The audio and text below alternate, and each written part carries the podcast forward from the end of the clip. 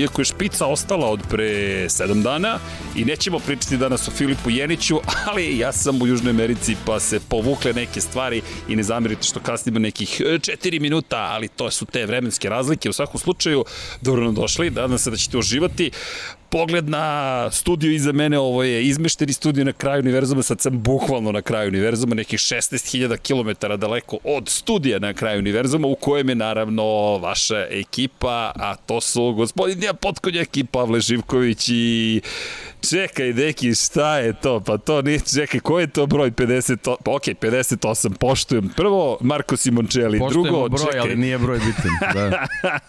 ali Ovoga čekaj, puta. če, čekaj, je to godina tigra, ušao si u kinesku novu godinu.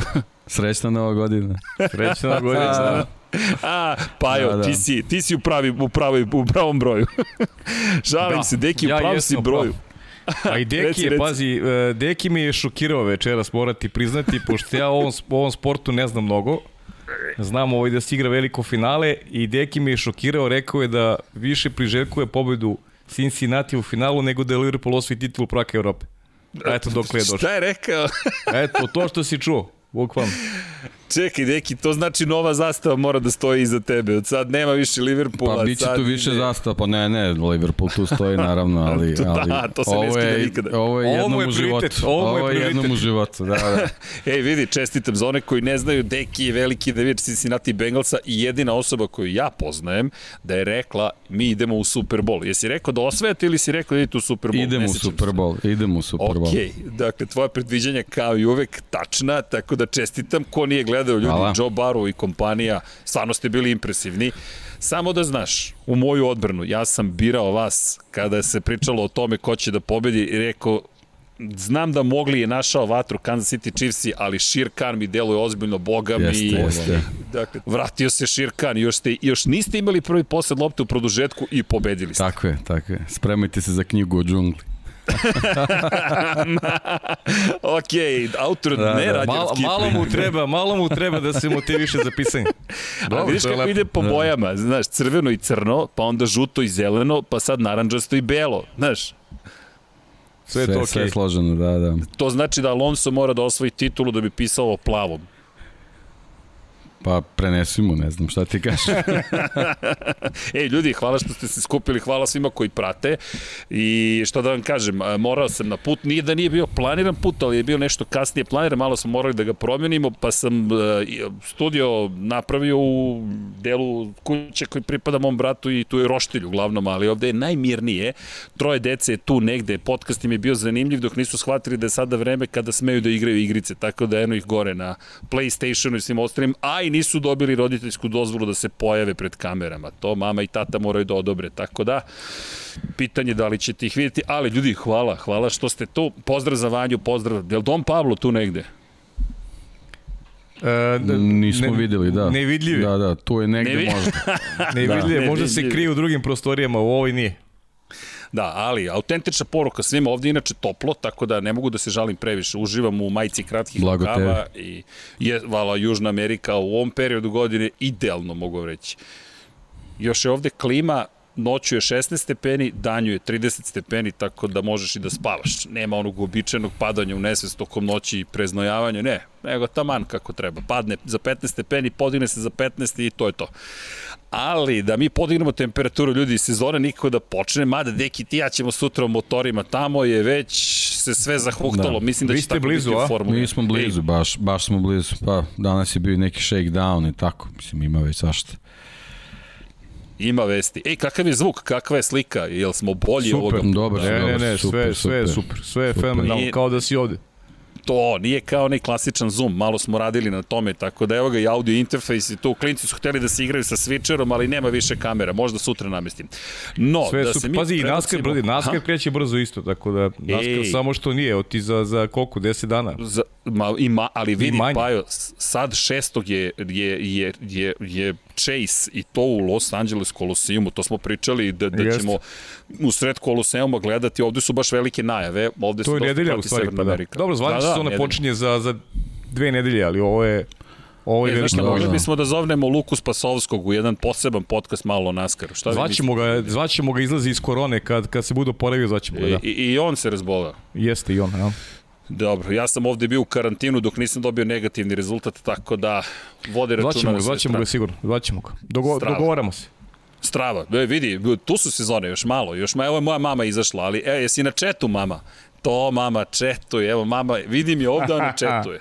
Pozdrav za majku, veliki pozdrav. Pozdrav, mama i tata Erceg. Da. Da, da. Elem, a, da mi krenemo mi sa Formulom 1, ljudi, deluje da su ipak počeli polako da se slažu kockici. Ja prvu stvar koju bih spomenuo je Ferrari. Ako se slažete, Može, ipak je može. Ferrari Ferrari i dali su ime. Ok, toliko je ova sezona a, zanimljiva, to je specifična da sad i kad dobijemo ime bolida srećni smo, dobili smo neku vest. F 75, 75 godina od osvenjenja Ferrari, je. kako vama to ljudi zvuči? Pa Pa baš skoro pa su da. pogodili broj. Da, da, da, da. Sledeći E, god, da- kako, će se, kako će se zvati sledeći godin? E, e, F, Ako, F1 ako im dozvolimo, ako im dozvolimo. To, to, to, to, to, to, to se Don Pablo pita. Znaš kako? F1 Infinity sledeće godine. Može. Pa dobro, misli, zvuči, zvuči onako kako si ga najavio, F1 75, 75 godina u skladu sa Da. tim i, i, i, i taj broj. Jubilej. Tako Pričali je, pa lep, mada- lep jubilej, da. Mada je Deki u pravu. jedan broj im je nedostajao da to bude savršeno. Jeste, ali dobro. Nije, nije loše, pazi, F75 i ono što je meni tu makar zanimljivo jeste koliko su nekako ove godine sve rade onako školski. Izbacili smo ime, saopštili ko su sponzori, javio se izvršni direktor i dalje. Meni to budi nekak nadanje da će ovo biti jedna zanimljiva sezona za njih. A Ti pogotovo si veći optimista od nas, ali dobro. Vidjet ćemo kako će to sve da izgleda. Dobro. Pa pazi, još sam u To je Južnoj okej. Americi, ovde moraš biti optimista, ne možeš drugačije. Ali dobro, ali dobro, od Ferrarija nema tu mnogo vesti, u suštini tamo smo gde smo i bili prošle, pa da. pre dve nedelje. Najveća vest, ako možemo da spojimo, je više Ferrari Alfa Romeo. Ljudi, kako vama zvuči ovi tračevi za sada, mada gde ima dima, ima istine. Pre tri dana se pojavila vest na Redditu, danas Don Pablo piše, ljudi, jel pratite ovo sa Alfom?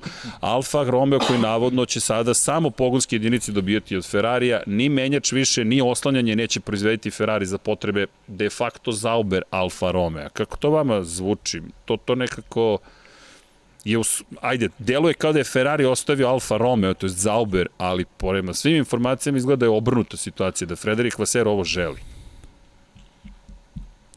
Pa, znaš kako, ovaj, u principu smo se u, u nekom prethodnom periodu bunili kad dobijamo ovaj, te modele bolida iz, iz satelitskih ekipa, da ih tako nazovem, koje mnogo liče na, na, na originalne. Evo sad konačno imamo priliku da, da dobijemo ono, ono što smo i hteli, da svaki konstruktor razvija svoj automobil, da, da ovaj, ta pogonska jedinica bude samo, samo taj deo koji je vezan za, za ovaj proizvođača, tako da ovaj meni meni je to sasvim okej. E sad um, naravno nova era sve sve ovaj uh, sve treba da se razvije iz početka i možda to to nije najbolji trenutak da da da se ovaj odluči na na na taj korak, ali ovaj kao što si rekao možda je upravo sa sa strane Alfa Romeo to je Zaubera, to jest uh, Vasera i ekipe oko njega, možda je to u stvari procenjeno da je da je u stvari pravi trenutak da da se ekipa ovaj možda uh, konsoliduje na, na taj način da jednostavno eto krene ovaj u, u novu eru na, na, na pravi način onako kako, kako svi o, o, očekujemo i kako na kraju krajeva i neka, neka i, i pravila a, govore, a to nam možda i otkriva da oni jednostavno u prošle sezone nisu bili ni zadovoljni možda isporukom nekih, nekih elemenata koji su stizali iz Ferrarije, možda ta neka filozofija razvoja im nije odgovarala i, i možda su tu u stvari uvideli kako trebaju da funkcionišu, stekli neko dodatno iskustvo i možda ovaj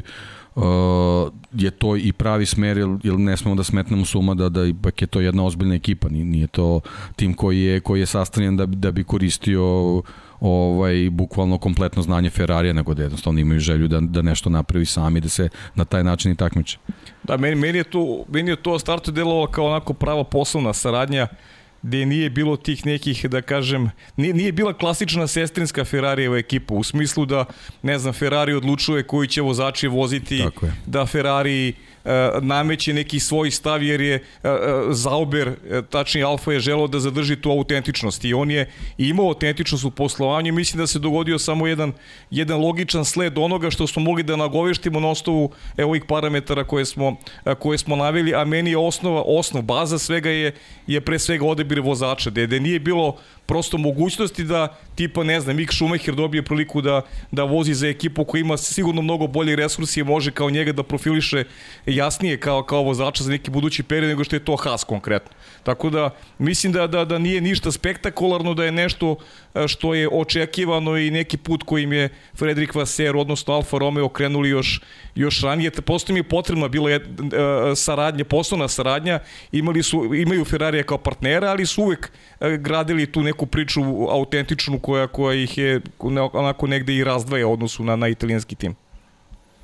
Vidi, meni je ono što je zanimljivo u celoj priči jeste to što je mnogo novca investirano, to, to smo pričali smo prema što smo se uključili u podcast, zapravo koliko je novca investirano u to da Zauber bude nezavisan, to jest Alfa Romeo i kad, kada su ih šveđani preuzeli 2016. do tada dve trećine tima je držao zapravo Petre Zauber, osnivač po kome se zvao Zauber, ali ovo je zvanično švajcarska ekipa, ovo je treći, treća era Alfa Romeo u Formuli 1, 50. 51. su bili tu sa legendama, Giuseppe Nino Farina, Juan Manuel Fangio, to su ljudi koji su osvajali titule sa Alfa Romeo. Alfa Romeo je prvi šampionski bolid, Alfa Romeo 158-ica čuvena, ali ono što je zanimljivo, oni su se vratili sa 79. bili do 85.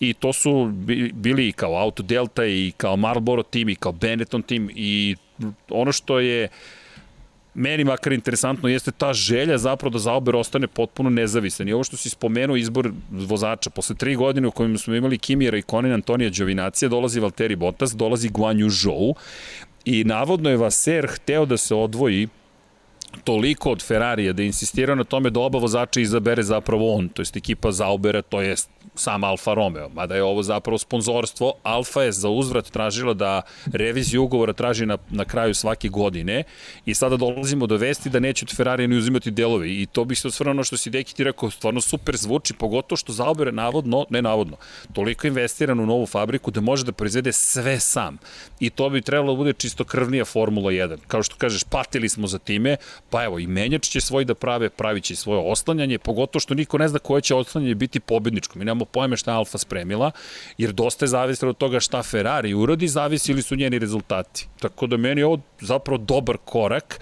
Ne kažem da će jednom sad čudesna sezona da bude da se ne vraća na prošlu nedelju, ali mi super zvuči da Alfa Romeo jednom je tako toliko nezavisna i da, da gura, pri čemu ono što jeste problem i to ono što mi je čudno, uprko s ograničenju budžeta od ove godine na 140 miliona dolara po ekipi, oni još uvek nemaju para, zato je Gvanju Žou u velikoj meri angažovan. Nije samo zato, imao čovjek tri pobede prošle godine, čak i Oskar Pjastri koji nije dobio ugovor, rekao ljudi, imao isti broj pobede kao i ja.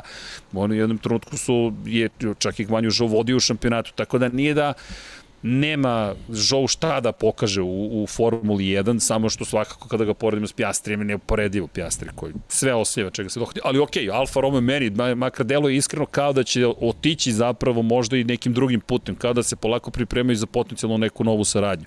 Da li u skorijoj budućnosti ili tamo 2026. ne znam, ali mene iskreno obradovala informacija koja prvo sam pomislio šta Ferrari ne želi više sa Alfom, ne, Alfa više ne želi izgleda ni sa kim osim sama plus motori ali dobro, to je još ostalo da napravi motore i, i da onda bude potpuno nezavisno. Ali meni da, to, priča. Da, mislim, ali, ali generalno taj period pred, pred nama, što se tiče ekipe Alfa Romeo, Zauber, kako god, ovaj, zaista može da bude izuzetno uzbudljiv, pre svega ono što, ono što sam rekao i malo pre, mislim, mi krećemo u jednu eru koja je potpuna nepoznanica i kao što si ti rekao, nije to sad neka priča da mi sad od njih očekujemo neki spektakularan rezultat, zato što bukvalno u ovom trenutku mi ne znamo od bilo koje ekipe šta možemo da Jest. da očekujemo dok ne vidimo te neke prve izlaske na stazu. Znamo šta se u prošlosti sve dešavalo kad se, kad se pojavljuju neke nove generacije automobila, pa kad dođu ti zimski testovi, kad krenu onako prilično neprijatne iznenađenja sa, sa nekim stvarima koji ne funkcionišu ili, su, ili su potpuno ono promašili temu i tako dalje i tako dalje. Mislim, ostaje da se vidi, ali generalno a, Alfa Romeo pokazuje stvarno da, da je ekipa koja u, u, u, u perspektivi planira da bude ozbiljna sa svim tim ulaganjima i, i infrastrukturom i tako dalje i tako dalje. Sam po sebi oći da zavisiš od drugih je onako baš smeta i, i pa eto najbolje najbolje rečeno neprijatan i i teško može ti omogući neka velika dela. Ovako mislim da je to da je to jedini ispravan put koji koji mogu da se okrenu jer Zauber nije ekipa bez korena naprotiv imaju imaju resursi imaju potencijal i nadamo se da će da eto da će da će opravdati ta neka očekivanja navijača i, i, i baze onih koji veruju u njih uh, u e, pa narednom pa periodu. I da ne zaboravimo, pazi, oni su odbili zapravo prodaju tima, navodno, navodno, se opet vraćamo na Fina Rausinga, koji zapravo izgleda najviše se tu pita, i po onome što može, inače to je čovjek koji je vlasnik Tetra Lavela, unuk čovjek koji je izmislio, jel to je Tetra pa kao što smo rekli, i, i čovjek koji je milijarder. I deluje, iako se on ne pojavljuje toliko u javnosti, opet je jedan bogataš iza te ekipe. I deluje mi da ni on ne želi da ima ekipu koja se samo takmiči. Deluje mi da on igra igricu na tom nivou kao što, na primjer, igra Dietrich Matešić iz perspektive Red Bulla ili ostali multimilijarderi koji stoji iza timova. Jer Finn Rausing, on se ne pojavlja praktično nigde čovek. Ali priča se da je on zapravo prekinuo prodaju Andretiju, a ako se vratimo u drugu eru Alfa Rome, Mario Andreti je vozio jednom momentu za Alfu, tako da tu postoji još neke veze. Inače, Andreti je rekao da, će, da bi sigurno doveo američkog vozača u Formulu 1 u toj situaciji. Čini se da između ostalog i to bio kamen spoticanja, ali da je najveći zapravo kamen spoticanja bio da se preseli fabrika iz Hinvila, da ode iz Švajcarske u Ameriku. Ne u Ameriku, nego bilo gde van Švajcarske da bude. I da je Finn Rausing navodno tu rekao ne, a Andreti je samo rekao da, se, da je kamen spoticanja bilo zapravo ko će kontrolisati ekipu. Pa eto, čisto deluje da na osnovu svega toga ipak u Alfi, to jest Zauberu, neko želi više Meni želi više, ja želi, želi da, da razmišlja na evropski način što se tiče tog da. takmičenja. Jel, pa da, i... jel sama ta najava odmah američki vozač i tako dalje i tako dalje, to, to sve vuče na taj, taj neki spektakl koji ono dolazi pre spektakl pre spektakla, znači stvarno je potrebno prvo napraviti neke rezultate da bi mogo da kreneš onda u tom nekom PR i marketinškom smeru. Što se tiče izbora vozača, mislim ne znam, ovaj, ne, nekome, da. nekome se ne sviđa sa, sa, sa ta čitava kombinacija sa, sa Guan Yužom i sa, i sa Bottasom, ali, ali generalno njima u ovom trenutku stvarno treba jedan iskusan vozač, a ja zaista ne vidim u ovom trenutku iskusnijeg vozača čoveka koji je vozio u ekipi koja je dominirala prethodnim periodom i pratio neke stvari u smislu o, o, kako, kako te, teče proces kad se neke stvari razvijaju, tako da i to iskustvo zaista može mnogo da doprinese i naravno imaš vozača koji ako se slučajno u, u, u nekoj, nekoj konstelaciji zvezda ili ne znam čega desi da Alfa Romeo može da bude u situaciji da pobedi, imaš vozača koji to ume da, ume da uradi. Sa druge strane, da li ti je potrebna neka mlada, mlada krv u, u smislu još jednog vatrenog vozača, mislim da ne. O, u ovom trenutku ti je potrebno da imaš izbor čoveka koji može da ti donese finansijska sredstva, sa druge strane je, je pokazao da ume da bude solidan i konstantan, što njima takođe zbog razvoja treba. Znači ne treba im vozač koji će možda ulaziti zbog neke, neke, nekog svog imidža i svog rejtinga u neke situacije da se trka s ostalima, nego da jednostavno da bude ovaj, u prilici posebno u, u početnoj fazi sezone da, da se čuva taj automobil automobil da se prođe što više kilometra i da se, da se krene sa, sa razvojem onako kako treba da, da, da se krene. Posebno što kad, kad si ima malo, malo dana za, za testiranja, ovaj, svaka, svaki kilometr u prve 3-4, da kažem, trke je, je mnogo značaja. Da, mislim da ćemo dobiti prvog Bottasa ove godine. Ove i narednih godine, zato što Bottas nema više taj teret, nema pritisak, ima ugovor koji, koji će da traje, višegodišnji prvi put od kako je otišao iz Williamsa u Mercedes i to je nešto će mu pomoći svakako da da sebe onako predstavi najbolje mogućem ruhu s obzirom da od, od Alfi niko ne očekuje velike rezultate, Bottas je taj koji će moći da im ponudi ono što ekipa može najviše datom momentu. Za Gvanju Žoa možemo da polemišemo. Da će on izjaviti, pustite me, znam šta radi. Da, da, da, da, moguće.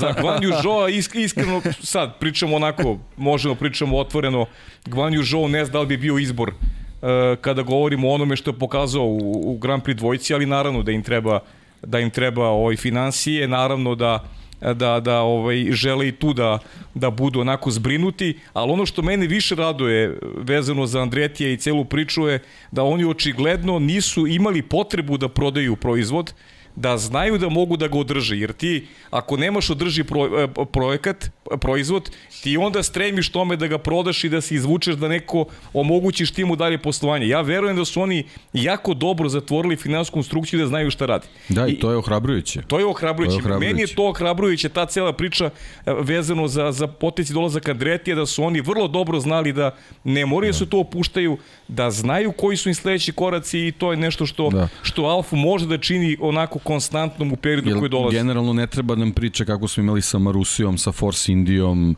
tako i tako dalje, tako dalje. Ne, ne treba nam to ponovo, nego nam treba, kao što je Srđan rekao, neki, neki multimilijarder koji, koji, koji želi da, da o, napravi ono što je, što je Red Bull napravi. Ili recimo kao što Stroll sad pokušava yes. sa, sa, sa Aston Martinom, Martinom da. to su, dobijamo ozbiljne ekipe, naravno diametralno suprotno vezano za, za neke rezultate koji se, a, koji se ovaj ostvaruju, ali generalno i to je proces, ne, jednostavno ne možeš u, u prvoj godini da, da očekuješ bilo šta od bilo koga bez obzira kakva sredstva tu bila, tako da ovaj, eto, ja, ja bih više volao da dobijemo Alfu u toj, u toj grupi ekipa nego, ka, kažem, kao što smo imali Marusiju ili ne znam Force Indiju, gde su isto ogromna sredstva ostavljena, na kraju se praktično ništa nije desilo, čak ovaj, i Force Indija je morala isto i da, da menja vlasnika i tako dalje, tako dalje, da, da bi neke rezultate ostvarila i, i ovaj, pokazala potencijal koji je ta ekipa imala.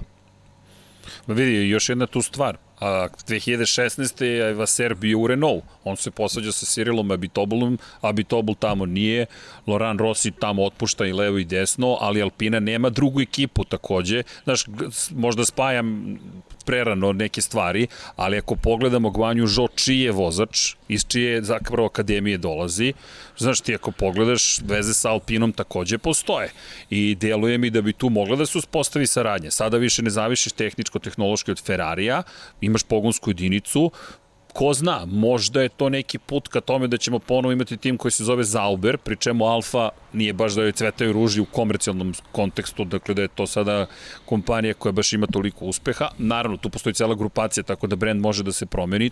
To ne znači da bih volio da Alfa ne bude u Formuli 1, samo da je ovo čudan brak. Imaš Zauber, imaš Alfa Romeo. Jeste to bio BMW Zauber, oni su bili kad? 2000 šeste ili sedme, drugi u šampionatu sveta u konkurenciji konstruktora, ali sve ti neki potezi, tako Alfa deluje tiho, mi, su, mi se dopadaju, iskreno. I onako, odjedno se stvorila priča bez priče praktično, onda shvatiš da Alfa već dugo radi na tome da bude što nezavisnija.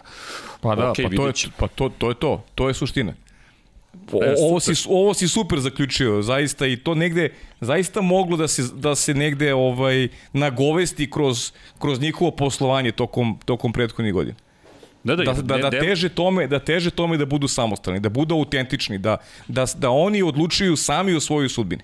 A to, a delovali su tako nezainteresovano prošle godine, kao da ih nema na stazi, ali uzmimo obzir, i ni Đovinaci nije iskoristio prilike u trkama, realno, to je najviše podbacio, i s druge strane Kimi je već bio u nekoj fazi karijere, završnoj fazi, on je znao da mu je poslednja sezona. Tako, Kimi, Kimi je to, mislim da smo kostili s početkom sezone, s početka Jest. sezone, da Kimi nikad nije bio tako nezainteresovan i to je moglo već tada da se nasluti da, da, da, da, je, da je kraj priče, onako više, ali, mislim da je više značio marketinški ekipi nego, nego što je na stazi nudio nešto u tom što, duhu što, paju, U tom duhu paju, ko želi više da sazna o Kimiru i Konenu, može da kupi knjigu Neotkriveni. Ej, čak sam doneo, ej, deki, tvoja knjiga je sad u Južnoj Americi, samo da znaš. O, lepo. To je lepo. u biblioteci, fotka mi kasnije u, u biblioteci, ko brat me zvao, kaže, molim te knjige, kaže, to se podrazumeva, ali tu su obe knjige, tako da, znaš, uskoro stiže i treća, otišla je na prelom, metod lepih vesti, ali dok ne odem u štampariju i ne budem držao stranice od štampane Rosijeve knjige, neću verovati samom sebi, tako da 16. februar je rođendan, pa eto, držim palčeve da ćemo ga obradovati za rođendan. Ali dobro, da, da ne otvaram previše tu temu, ali Kimira i Konen i majica i knjiga shop.infinitylighthouse.com Čekaj, setio sam se i ovoga. Udrite like i udrite subscribe. E, ovo još nisam izgovorio iz Južne Amerike, tako da taman. Može neko i da udari join. A maženje i paženje, to si zaboravio. I jao, e, a ovde se baš izgleda, mazimo izgleda i pazimo. Da ga, da ga ne radi u Južnoj Americi. Da, da, da, da, da, da. E, vidi, zatvoreni smo uglavnom, nema mnogo mrdanja, pa, tako da, pa, da Ali e, ako moja devojka podra, koju najviše volim na svetu ovo sluša, podrazumuje se, znači paženje, paženje tamo. naravno, naravno. Ne, ali mazite se i pazite se i vodite računa jedni drugima zaista. I vozite računa naravno jedni drugima, tako da budite dobri pre svega. 917 30 30, pomozimo Branku, budimo dobri, a i generalno šta god uradimo nešto lepo ovde, ovde će mi nešto lepo da uradimo nešto ćemo da smislimo, za decu ćemo nešto pametno da uradimo. I možda bih mogao sledeći podcast da radim sa trampoline. Može do 105 kg, tako da taman stajem na trampolinu. Ali dobro da ne preterujemo. Elem, nego Valtteri Bottas, ljudi, ima tu još jedna stvar. Dobio je na poklon od Mercedesa W08. Da, da, da, jeste. Na da oproštaj, teke, to je lep gest, to mu je jest, pobednički lep. bolid iz Rusije i kao, odlaziš kao, evo ti bolid. ja, Finci imaju sreće sa tim poklonima, kao Kimiju što su poslali Ferrari u Švajcarsku, sad da, su Valteriju poslali u Finsku. Čo, čovek, je, čovek je vozač. Vo, vo... Pazi, Fanđova kaciga, Mercedesov bolid, pa, znaš kako. Malo li je? Malo li je. Pa, pazi, da radi, po... da, radi, da radi kao kuvar po kom mu kašiku. Čovjek vozi u Formulu 1. Malo da će mu poklije, šta da mu poklije drugo, znaš. Ej, pa ovdje ima ovdje dobra biblioteka iza mene. Mogli su i felnu da mu daju. Pa mo, mislim. Ja. Viš ti dobra biblioteka. A, pošto, ne, ne, da, da ti kažeš, znam da su vina učile u fenomenalno. Nemoj da nas banuju da. sad s tim, pazi šta radiš. Da. Ne, ne, ovo je, ovo je, to je samo rekvizit. Hvala ti što si me ovaj skrenuo sa teme. Kad pijem pa, pomešao se knjige. A ne, smo se kuvanje. e, pa, moj brazir će da dođe jednom trenutku planiranje roštilj za danas, tako da ako se ovde zadimi atmosfera vanja, ne, ne zameri, čuvat ću opremu. Dobro, ako zamiriše nešto da znate šta je. da, da, da, da, da. Hvala, pa je, na tome, kao i uvek, da. na, na visini zadatka. E, ali da, to mu je pobednički boled, prva pobeda jest, 2016. Jest. ili 17. Ne, 17. on 2017. je pobeda 2016. vozio za Williams još uvek, ali da, prva pobeda 2017. 17. 18. 19. 20. 5 godina Valtteri Bottas proveo u Mercedesu. Pa nije malo. I deki ono što ti kažeš, ko zna šta on donosi sa sobom, a to ne da nije loš vozač naprosto, otvorio ti, svoju titulu Grand Prix 3 serije. Tako da, eto, preporuka topla, kao što da. vam je Deki rekao, gledajte Cincinnati, sad vam kažemo gledajte Alfu. Znaš šta je problem samo tu? Ja stvarno mislim da će njega da, da rastereti cela situacija ovu koju je prolazio u Mercedesu neizvestnost iz godine u godinu, vozim, ne vozim, dobijam ugovor, ne dobijam ugovor. E, ali postoji sad jedna druga stavka, motiv. Da. Znaš, neko, neko ko se borio stalno za, za postolja i, i za visoke rezultate, sad treba da se navikne na ambijent koji on nije imao do sada u karijeri vozača Formule 1. Da. Nije imao u karijeri vozača uopšte. On je bio šampion Formule 3 kada je došao u Williams, sa Williamsom imao mogućnost da se bori za podijum.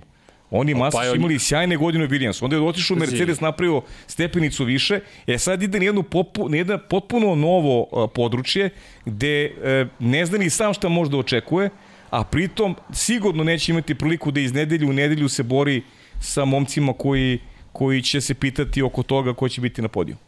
Naprotiv, e, borit će se za da. poene.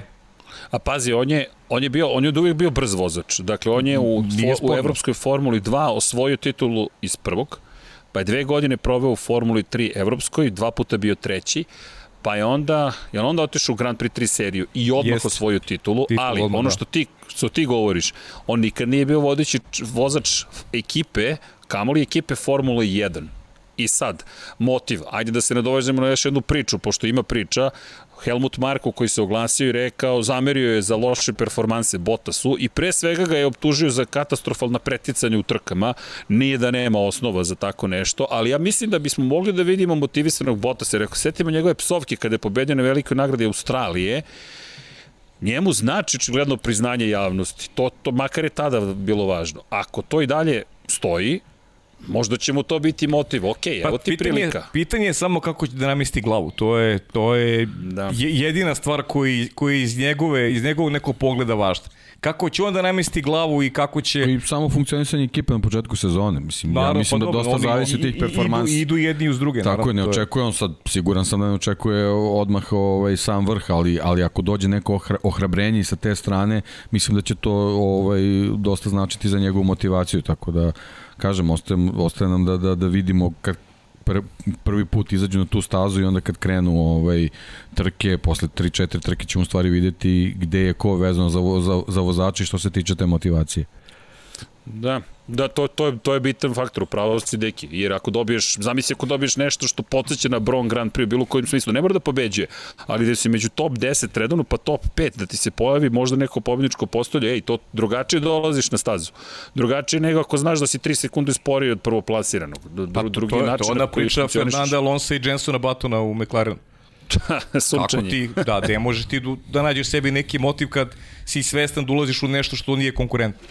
Znaš, e, evo nam ga kuvar, stiže, stiže kuvar, on će dobiti kašiku, kašika, koliko da. sve prođe kako treba, da. Ti si, kaže šef kuhinje, šefe, morate samo biti tihi, ali mi ćemo uživati u pogledu na vaš rad. Ivane, pozdrav Ivane, pozdrav. Evo, pozdravljate pozdrav. ekipa. Evo, to je moj brat, ako se začudite, da, dvojica sličnih postoje. Ja, ja sam ona lepša verzija, ali dobro. u svakom slučaju, on je stariji brat, pazi, moram sad da budem pažljiv ovde, zna se ko ovde glavni. E, ta vina koja sam donao, to su rekviziti, da znaš. Da, to, to, bukvalno su rekviziti, ipak malo se hvalimo. Elem, da se mi vratimo na Formulu 1, a to je Da, bit će to, ali vidi, ako dobije dobar motiv, to je si rekao, to i sa Batonom i sa Alonso, mada Alonso Alpini rekao, ovde sam da, da što više kilometara odvezem, pa će to, to je neka sad već druga priča, ali to je sad ova druga verzija Alonso i u Alpini. Nego što se tiče i tih izjave Helmuta Marka, znaš, da, da, da je Pereza ta toliko nahvalio, meni to zanimljivo bilo, koliko je Pereza nahvalio, Helmut Marko baš i ne hvali tako često, Čak i Ricardo pričao koliko mu prijatno atmosfera u McLarenu zato što je dobio podršku kada je bio loš. Nije bilo te, kako bih rekao, tough love, znaš, te, te grube ljubavi koju ima Mark, Helmut Marko, ali Ok, dobio još pa, jednu da, potvrdu Sergio Srki, Perez. ali do, dolazimo sad na teren Mercedesa, znaš, e, zašto i Toto Wolff je hvalio Valterija sa svih ovih godina, nije imao, nije imao razloga da ga kudi. Zašto bi Helmut Marko pričao loše o, o Sergio Perezu u godini kada je kada je njegov vodač osvojio šampionsku titulu, u godini kada Čeko Perez nije napravio ni jedan jedini problem ekipi, Uh, radio Jasne. je sve što se od njega tražilo, znači obavlju ulogu vozača broj 2. Razloga nije bilo da, da, da Helmut Marko i da bilo ko u Red Bullu upre prstom u, u Čeka Pereza i kaže ok, ovo nije valjalo. Mislim, e, Čeko je radio sve što je mogao, možda nije to bila e, kompletna sezona na, na, na nivou E, koji je većina e, očekivala, većina svetske javnosti očekivala realno, čak je bilo priča, sećam se kako Čeko možda se bori za titulu i tako dalje, ali, ali generalno onako u jednom, kada sumiram učina Čeka Pereza, on je uradio sve što je ekipa njega htela generalno i, i zaista zaslužuje, zaslužuje pohvale i mislim da Helmut Marko sa tim pohvalama negde priprema i teren i za godine koje slede, jer očigledno da je ovo kombinacija vozača koju ćemo gledati imam utisak i, i, i duže od jedne sezone. E, dve stvari sam upravo shvatio. Prvo da imaš šolju s italijanskom zastavom, to je prva stvar.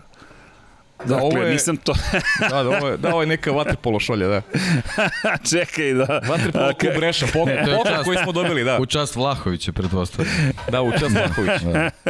ne, ne, samo ako gledam, rekao, čekaj, to je italijanska šolja, nisam shva... Dobro. Pa pričamo o Ferrariju, pa zato... To, to, to, zbog, zbog Alfe, zbog Alfe, nije, da. to je zbog toga. Ovo, da, to je prva stvar. Druga stvar, upravo se mi sinulo, čekaj, da li možda je Red Bull rešio da promeni svoje navike, jer ako se vratimo, nikad nije hvalio drugog vozača Helmut Marko, da li su najzad sa Serhijom Perezom i ovom sezonom došli do toga, ok, zna se ko je vozač broj 1, zna se ko je broj vozač 2 i nema priče o tome kao sa Gaslijem, kao sa Kvijatom, ne, ne, svi su jednaki ili sa, čak i sa Fetelom i, i, i sa Weberom. Pa sa Weberom, to ste da ti kažem, pa, pa nikad nisi imao ovakvu idiličnu situaciju u, u Red Bullu da ne. imaš jasnu podelu u kojoj se, se tačno zna ko kosi, ko vodu nosi. Ma da, idilična je i situacija što, što drugi vozač jasno stavlja do znanja da zna šta mu je, Tako šta mu je zadatak, da, da je a, na kraju, a na kraju krajeva do, imaš sezonu gde su ostvarili ono što su želeli, tako da apsolutno ne postoji nikakav razlog da, da neko sad tu pravi, ovaj, da, da, da podgreva neku atmosferu ili nešto, nego jednostavno samo je, samo je želja da, da na ovom talasu i nastave dalje, tako da ne, nema, mislim, bilo bi potpuno nenormalno da neko sad kvari idiličnu atmosferu yes. tamo. Ne, ali mi, ali mi je iskreno, to mi je sad zapravo sad ovo, ova spoznaja, zapravo mi govori da će Red Bull biti još opasniji u suštini, jer ti sada imaš tim koji više nema McLarenu u filozofiju, nemamo zvaničnog broja 1, iako možda i postoji u nekom trenutku, mada kod McLarena to nikad nije bilo tako izraženo. Sad imaš jasnu priču koju je Mercedesova filozofija, to je Ferrarijeva filozofija još iz ere Mihaela Schumachera i zna se broj 1, broj 2 i to je to. To ih čini mnogo opasnim. Tako, upravo si, ali imaš pozdinu priče e, Mercedes gde, gde, to. gde možemo samo da naslutimo kako će se ponašati George Russell, ali mi ne možemo da znamo. Znaš, treba početi sezona da vidimo kako će odvijati stvari na relaciji Hamilton-Russell.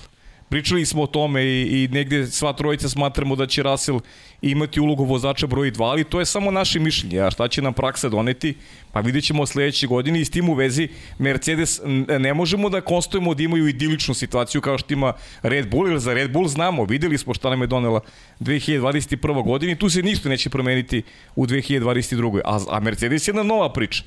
I to je ono što sad čekamo svi zajedno da vidimo kako će, kako će stvari funkcionisati na relaciji veliki šampion Lewis Hamilton i jedna nadolazeća mlada zvezda George Russell koji prvi put ima priliku da se takmiči za, za jedan veliki tim i da ubira, da ubira te, te plodove plodove da. koje, koji, koji su dostupni samo najvećim vozačima. Timu, nalazi da. se u velikom timu, ali nas prot sebe ima vozača koji je dalje i tekako u ozbiljnoj formi. Tako je mislim, nemamo puno informacije vezano za, za, za razmišljanje Luisa Hamiltona, ali on ako se pojavi na stazi, mislim da tu ono, motivacija apsolutno ne, nema, nema o čemu da, da se razmišlja, znači veliki vozač, veliki šampion i, i, i Russellu ni malo neće biti lako ovaj, u, u toj ulozi drugog vozača, ali eto, na njemu je da se nametne i da, da pokaže ovaj koliko može, sad to je, to je neka, neka priča koju, koju Mercedes treba da, da postavi na pravi način. Što se tiče Red Bulla, mislim, njima jedina u ovom trenutku jedina nepoznanica da, da trebaju dobro da razmišljaju da vide šta će, kako će ta situacija sa agregatima. Jeste. E, ali to je isto zanimljivo šta se sve piše u poslednje vreme. Tako Andrew je. Levin iz F1 i.com je preneo zapravo pisanje u kojem je Helmut Marko vrlo jasno rekao da... Red Bull Honda, misliš? Tako je, Red Bull Honda. Da, da, da, mm. Zapravo, sedi Nikola Nedeljković nam upravo piše. Kaže, Srki, samo da ti javim da će Honda da proizvodi motore naredne godine za Red Bull. Da, da, za Red da, Bull. da. da, da. Do 2025. O, sad, ne, i tako, tako se priča. Nešto, da. Auto review je pisao i to je ono što je zanimljivo. Zapravo, Hvala Nikoli, pozdrav Nikoli, da, da, da, da zborim. Da, da, Nikola koji, koji šalje informacije, dobijamo ih i sa drugih strana, dakle, to, to, to je sve potvrđeno. Ono što je tu stvar, Autoreview je napisao da je vrlo jasno da je Marko potvrdio da će zapravo u Sakuri i dalje biti proizvođeni Tako motori. Je. Tako je. Ljudi, to je Sakura Racing Department, to je ni manje ni više srce proizvodnje Hondinih motora. Mogu je... samo da kažem, dobro su se setili, mislim, jednostavno, pa, da, da, posle da, čitave prošlogodišnje situacije da, da neko ostane čvrsto pri odluci da, da odustaje pri, pri, od, od priče, jednostavno, posle svega što im se kroz istoriju dešavalo, da to ponovo urade, to bi stvarno bilo nenormalno. Yes. Jednostavno. Yes, pa, pa to je, Ali to da li... je na nivou, na nivou povlačenja Luisa Hamiltona, meni, meni je to ta priča. Znaš, da se povučem sada kada mogu kad sam i dalje... Zato što sam se uvredio. Zato što se uvredio, pa mislim, to mi je stvarno da. kao, kao da ima 12 godina, znaš, ne. To je. Da, dobro, ajde digresi, ali ostao bih na Hondi svakako, eto, Hamilton se pojavio prvi Hondi, put okay. u javnosti, samo je podržao jednu dečiju inicijativu, bi pojavio se. Ljudi, Hamilton je, ja mislim da je ono super stanju, da on sada se hrani onim što se desilo na kraju prošle godine i da se sprema da bude brži nego što je ikada bio. To je, to je mislim da si Pajo ti to odmah izjavio na kraju prošle sezone i da, ja mislim da on toga. sada kao Batman. Meni je glavni favorit za osvajanje titula ove godine. Meni više kao neka imperija koja hoće da uzvrati udarac. Znaš, tako, tako je. Da, mm, bukvalno, to to, deki. To je to. Znaš, kao, ok, udobili smo udarac, važi, razneli ste nam sezonu, ali mi ćemo da se vratimo. Ja, po, pogledaj Mercedes, da, i, i špekulacije, spekulacije zapravo za W13 da. da nije prošao homologaciju i onda su stavili na društvene mreže 13. januar 2022. Ej, oni su 13. januara prošli homologaciju Međunarodne automobilske federacije. To meni govori da Mercedes nigde ne kasni u, u, ne da ne kasni, nego da su oni, i gledam njihov YouTube kanal, oni se samo pojavljuju i James Ellison samo iznosi nove informacije. Pri čemu, znaš šta mi je indikativno? James Ellison je ponovo sve aktivniji, čini mi se da će i tu biti malo ajmo korak unazad. Znaš, kao sa Njujem u Red Bullu. Ej, važi, idi ti pravi brodove za America's Cup, idi ti pravi sa automobile sa Aston Martinom, E, ali aj se ti vrati ipak, znaš kao. Srki, ja mislim da samo dve ekipe neće da kasne sigurno za sledeću godinu. to, to, to, to, to. Mada se priča... Možemo svi da popišemo da, da te dve ekipe neće da kasne. Da, to su Mercedes i Red Bull. Za ove ostale ne bi stavio ruku u vatru ni u jednoj situaciji. Da, da, pa dobro, ajde, ja ću da se, ja ću šta, ko čemu ja o Ferrariju, dakle... Da, vidim da si da... spremio i majicu, da. Da, reci. E, ja čekaj, Burazer što ima Stratocaster, Da, Ovo je da, da. originalni stra, strat. Bogdane, ako uspem, stiže Stratocaster u studio. Ali dobro, ne, ma, pokrenuli smo ga, posle će malo da se igramo sa audio interfejsom, kad je već ovde sa mnom i s decom. Deca ovde uče da sviraju klavir. Tako ćemo Pokrećemo žicu, vidim ja pozadi, pustite gitaru. Da, da, da. Taj drugi da, žičani postavi. instrument sa te strane, očite, mnogo bitniji. Hoćete da preusmerim taj, taj, kameru, a? Ne moraš, omiljeni, ne moraš. Moj omiljeni žičani instrument. E, ovo moram da pokažem. E, ja ne znam da li to postoji u, na, u Srbiji ili na našim prostorima. To zovu ovde Tomahawk. Zato što u obliku Tomahawka komad mesa. Čekaj dok me ne gleda da vidite ovo. Staj. Ne moraš, srđane. Pusti nas. Mi smo ovde sa čajem, tako da...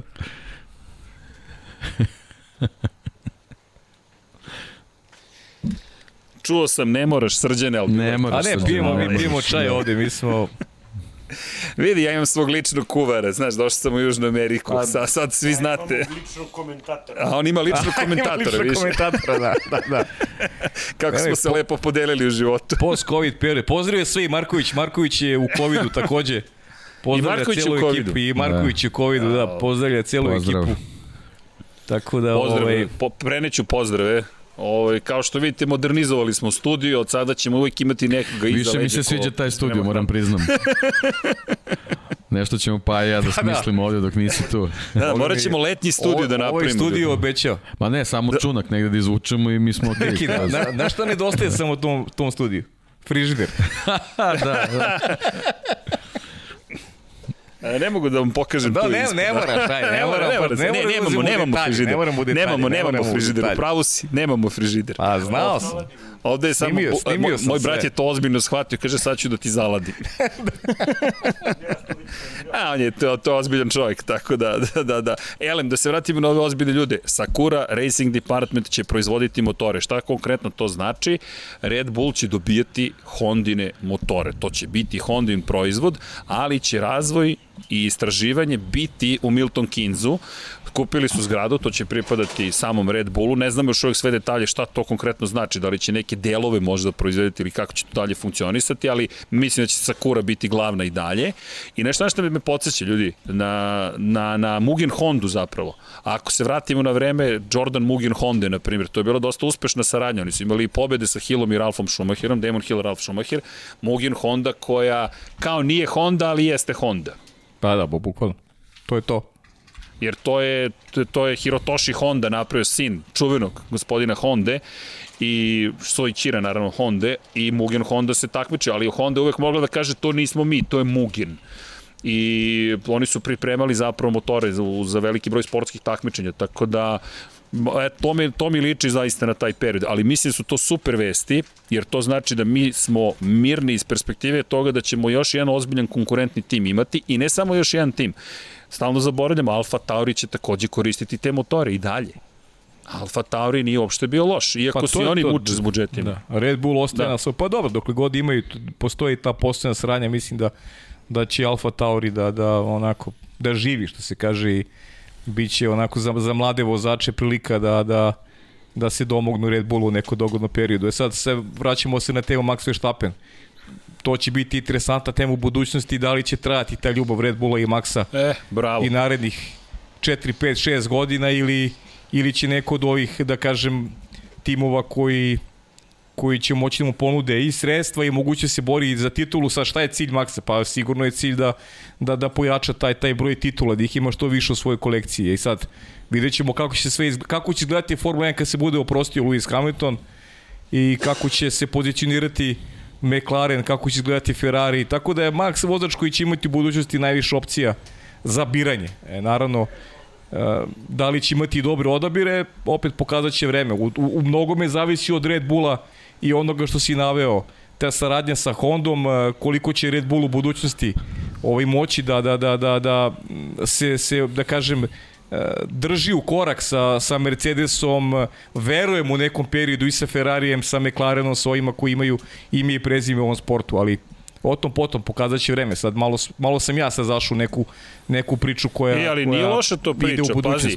A dobro, pa vidi, među sezone, šta ima lepše od toga da pričamo o Formuli 1, a realno ne znamo šta se događa. Mnogo toga se događa, sve je iza zatvorenih vrata, ali uživanje pričati o Formuli 1. E, Deki, mora nešto ti kažem za styling.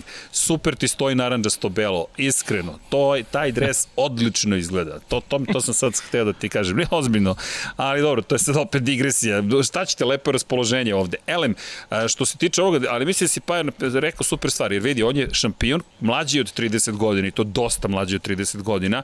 Ako pogledaš, na primjer, Daniela Ricarda, Ricardo je već prešao 30. godinu, nije da će biti mlađi, nije da spada u grupu sada vozača na koje se ti kladiš. On već priča o tome da će verovatno karijeru završiti u McLarenu.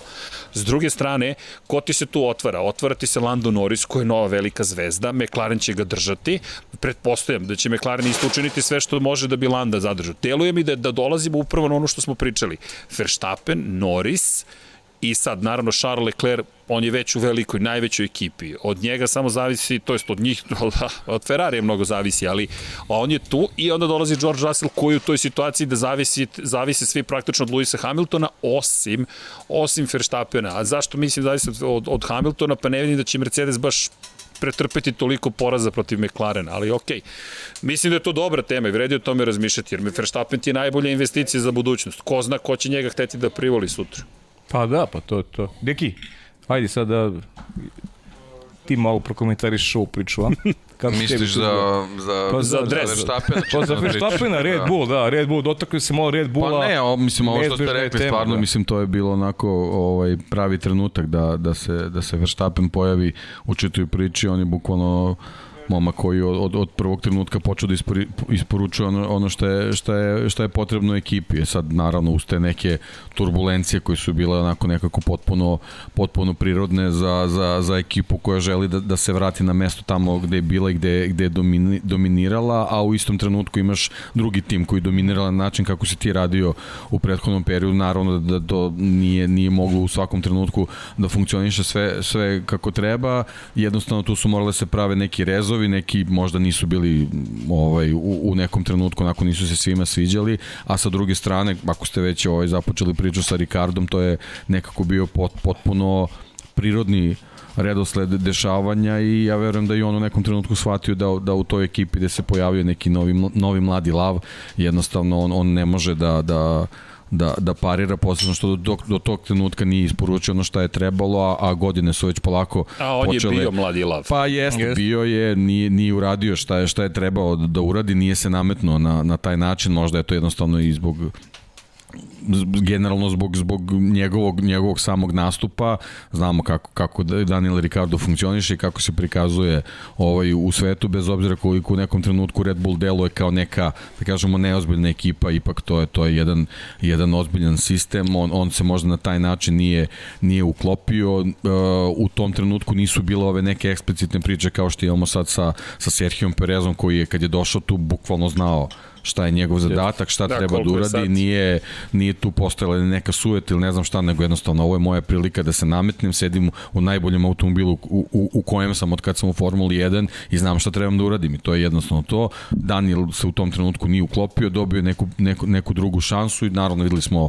ove sezone da je pokazao da je stvarno vozač koji ume da, da isporuči ono što treba da isporuči u trenutku kad, kad i, i, i bolidu kojem je to može da uradi. E sad zašto u nekim drugim situacijama, zašto mu je toliko trebalo da uzleti da krene, zašto se to u Renaultu dešavalo, sve što se dešavalo, to je sad, sad već neka druga priča, ali činjenica, ono što si rekao, jednostavno godine čine stvoje i, i mislim da je, što se njega tiče, nek, neko vreme prošlo, mnogo mladih vozača čeka čeka na priliku Formulu 1, spominjeno Piastrija non stop, mislim to je i njegov zemlja generalno i ako se tu pojave ne, neke velike kompanije koje će, koje će stati iza njega, jasno nam je koji će se Australijanac uskoro naći u Formuli 1. Posledno što momak eto nepravedno mora, mora da pouzira da, da, da, da, da zbog te, te, tog glupog Ali- pravila jednostavno. Ali, je glupo pravilo. Ali Jeste. šta da radimo, mislim jednostavno tako je i, i o, svi oni kad krenu te sezone znaju znaju šta mo, mo, može da ih očekuje, a s druge Kakva strane ironija. znaju ko, Ako osvojiš ko- titulu, kaznit ćemo te. Pa da, ali znaš, sa druge strane znaju koliko malo mesta ima u Formuli 1 i to je jednostavno, Znaju. to su ta pravila i, i jako su gruba, mislim, i mo- moraš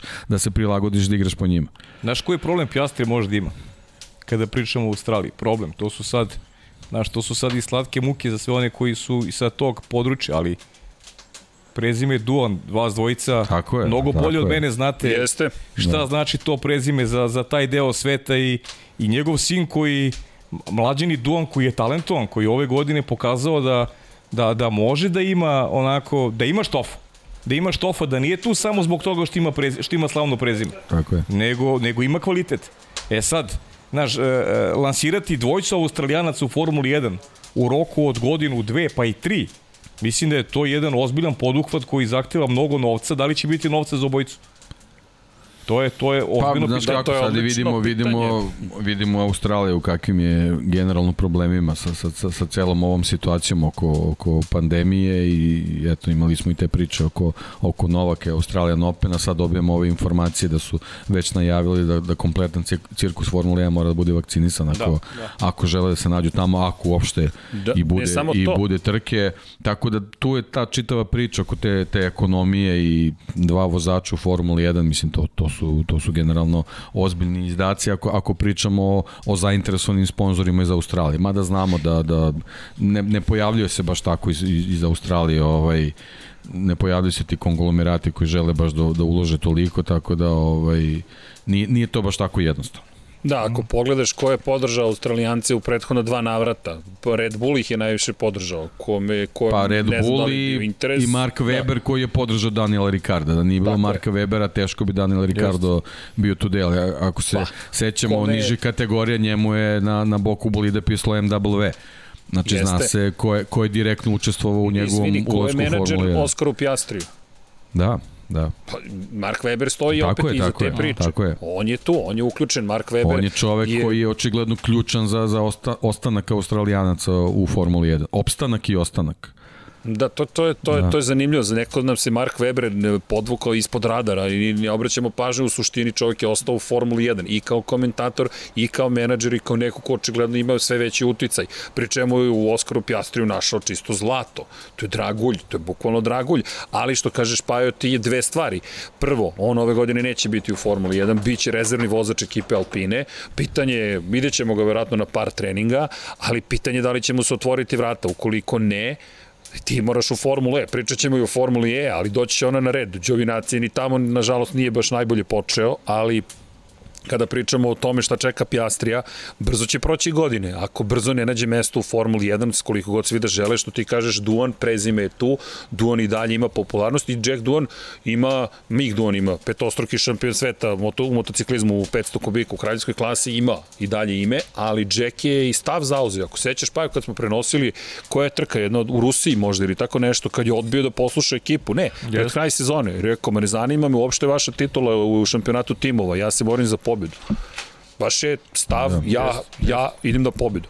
Pa pazi, znaš, kad pričamo o Pjastru, nije sad go, godine, znaš, on mora da ima mesto 2023. Ti ako ne voziš dve godine, pa To dolaze novi. kažem. Dolazi Duan, ne dolazi, dolazi Klemen Novalak, dolazi, ajde da nabrajamo sad sve te momke koji, koji čekaju na red. Jer ti si zaboravio, ti si, ti si, ti si uh, u, u koži Davida Velsekija već, ako ne voziš dve godine. Tako je. Znaš, to je, to je ozbiljan, ozbiljan period za mladog kao vozača. Neko ko vodi kao intervjue. komentator, da, kao zabavljač, on je više Kao zabavljač. komentator. A on je više, on je više zabavljač, on je više zabavljač u stvari, što Pa je- više je zabavljač, on nije komentator. zabavljač, da, I ne samo to, nije čak ni neko ko tad vodi medijska, e, me, zapravo ne, ne postavlja teška pitanja, on je bukvalno tu samo da zasmeje Da, publiku i da, da zabavljač, raz- klasičan zabavljač. I to, to meni to ne prija, ali okej, to je njegova uloga, ali, ali može tako da prođe. Pri čemu, opet se vratit ćemo se na kratko na Alfa Romeo, to ti je Žou, Žou zato mora da ima sjajnu sezonu, jer ovaj ugovor je na jednu godinu za njega, u suprotnom, opet uz tu vezu potencijalnu sa Alpinom, ako Alpina odreši Kejasu i kaže ok, ili neko poput Marka Webera nešto izdejstvuje, ne znam, što kaže Deki, redko se pojavljaju baš australijski konglomerati da podrže svoje vozače, ali ok, pratimo, što kažu, pratimo da. situaciju. Inače, što se tiče Australije, meni je fascinantno koliko su investirali u restrukturiranje. Inače, topla preporuka svima, ispratite YouTube kanal Velike nagrade Australije, to je, Mel, to je ne Melbourne, ne Melbourne, nego bukvalno Albert Parka, kao jedan od dobrih primjera kako staza treba da promoviše šta se događa na njoj. Oni su tu u punom jeku radova, oni su proširili pit lane, proširili su krivinu broj 3, promenili su izgled krivina sa 16, smanjili na 14, uh, krivinu broj 1 su promenili zapravo i trojku su promenili. Mnogo toga su uradili, ja mislim da je sedma takođe promenjena i trude se da otvore zapravo krivine, da unutrašnja strana krivine, da teme krivine bude mnogo otvorenije I oni uveliko rade na tome da će se otržati trka. E sad, uz ovo što se dešavalo sa vakcinacijama i činjenicu da Formula 1 eksplicitno rekla, ne samo oni koji rade u Formuli 1, nego svaki gost koji želi, svako ko hoće da uđe u padok, u zonu, mora da bude vakcinisan. Ne jednom, dva puta inače ne puštaju unutra i to je njihovo pravilo, privatna kompanija, Liberty Media je rekla to je to i to su sad pravila koja važe. Iz perspektive Australije i dalje ne znamo šta će se desiti, ali svi žele da izbegnu da ponovo dođu u situaciju da se tuže sa sportistom bilo kojim kamoli, s jednim od najboljih tenisera svih vremena. Tako da, to je u ovom slučaju nekim iz automotosporta. A, tako da Australija se nada da će početi sezonu. Ja, ja držim palče da ćemo imati trku u Australiji. Meni iskreno Pajo, nedostaje mi, bez obzira što ponekad je onako naporno u 3 ujutru kada se nađemo u kabini ili 1.45 za MotoGP. Pa niste ali... davno čoveč. Pa nismo davno. Ne, nismo. Znaš kako, da. posle svega iskreno ti kažem, uopšte mi ovo Australija ne nedostaje, znaš. okej, okej. Okay. Zato što okay. ja sam neko, ja sam, Pošteno. ja sam, ja sam građanin sveta i mislim da treba se zalažemo za, za, za slobodu, a ne za ovako uslovljavanja koja postoje za, za ovu globalizaciju koja mene lično, ako smeta mi, Znaš, ako si vakcinisan, dobar si, ako nisi, loš si. Ako klečiš, dobar si, ako ne klečiš, loš si. I te, i te gluposti koje nam serviraju iz dana u dan, onako me čine, čine me malo nespokojni, morati priznam. Znaš, i, i cela ta priča, ovo što se dešavalo s Novakom Đoković, nije bitan Novak Đoković, to bitan je bilo koji čovjek na svetu, to što se njemu dešavalo je jedan absurd, ne sme se ponoviti nikad više. E sad, i sad, e, sad treba da se zalažem za nešto, ajde kao Australija. Stvarno, iskreno, meni ne zanima me da li će biti trka u Australiji. okay. Bitno da bude 23 trke, da se one održi i da i kad bi glasao sad, ja bih glasao da se ne, da se ne vođe u Australiji, iskreno ti kažem, eto, tako da... Ja, Dobro, šta bi stavio umesto Australije? Objasnio sam zbog čega.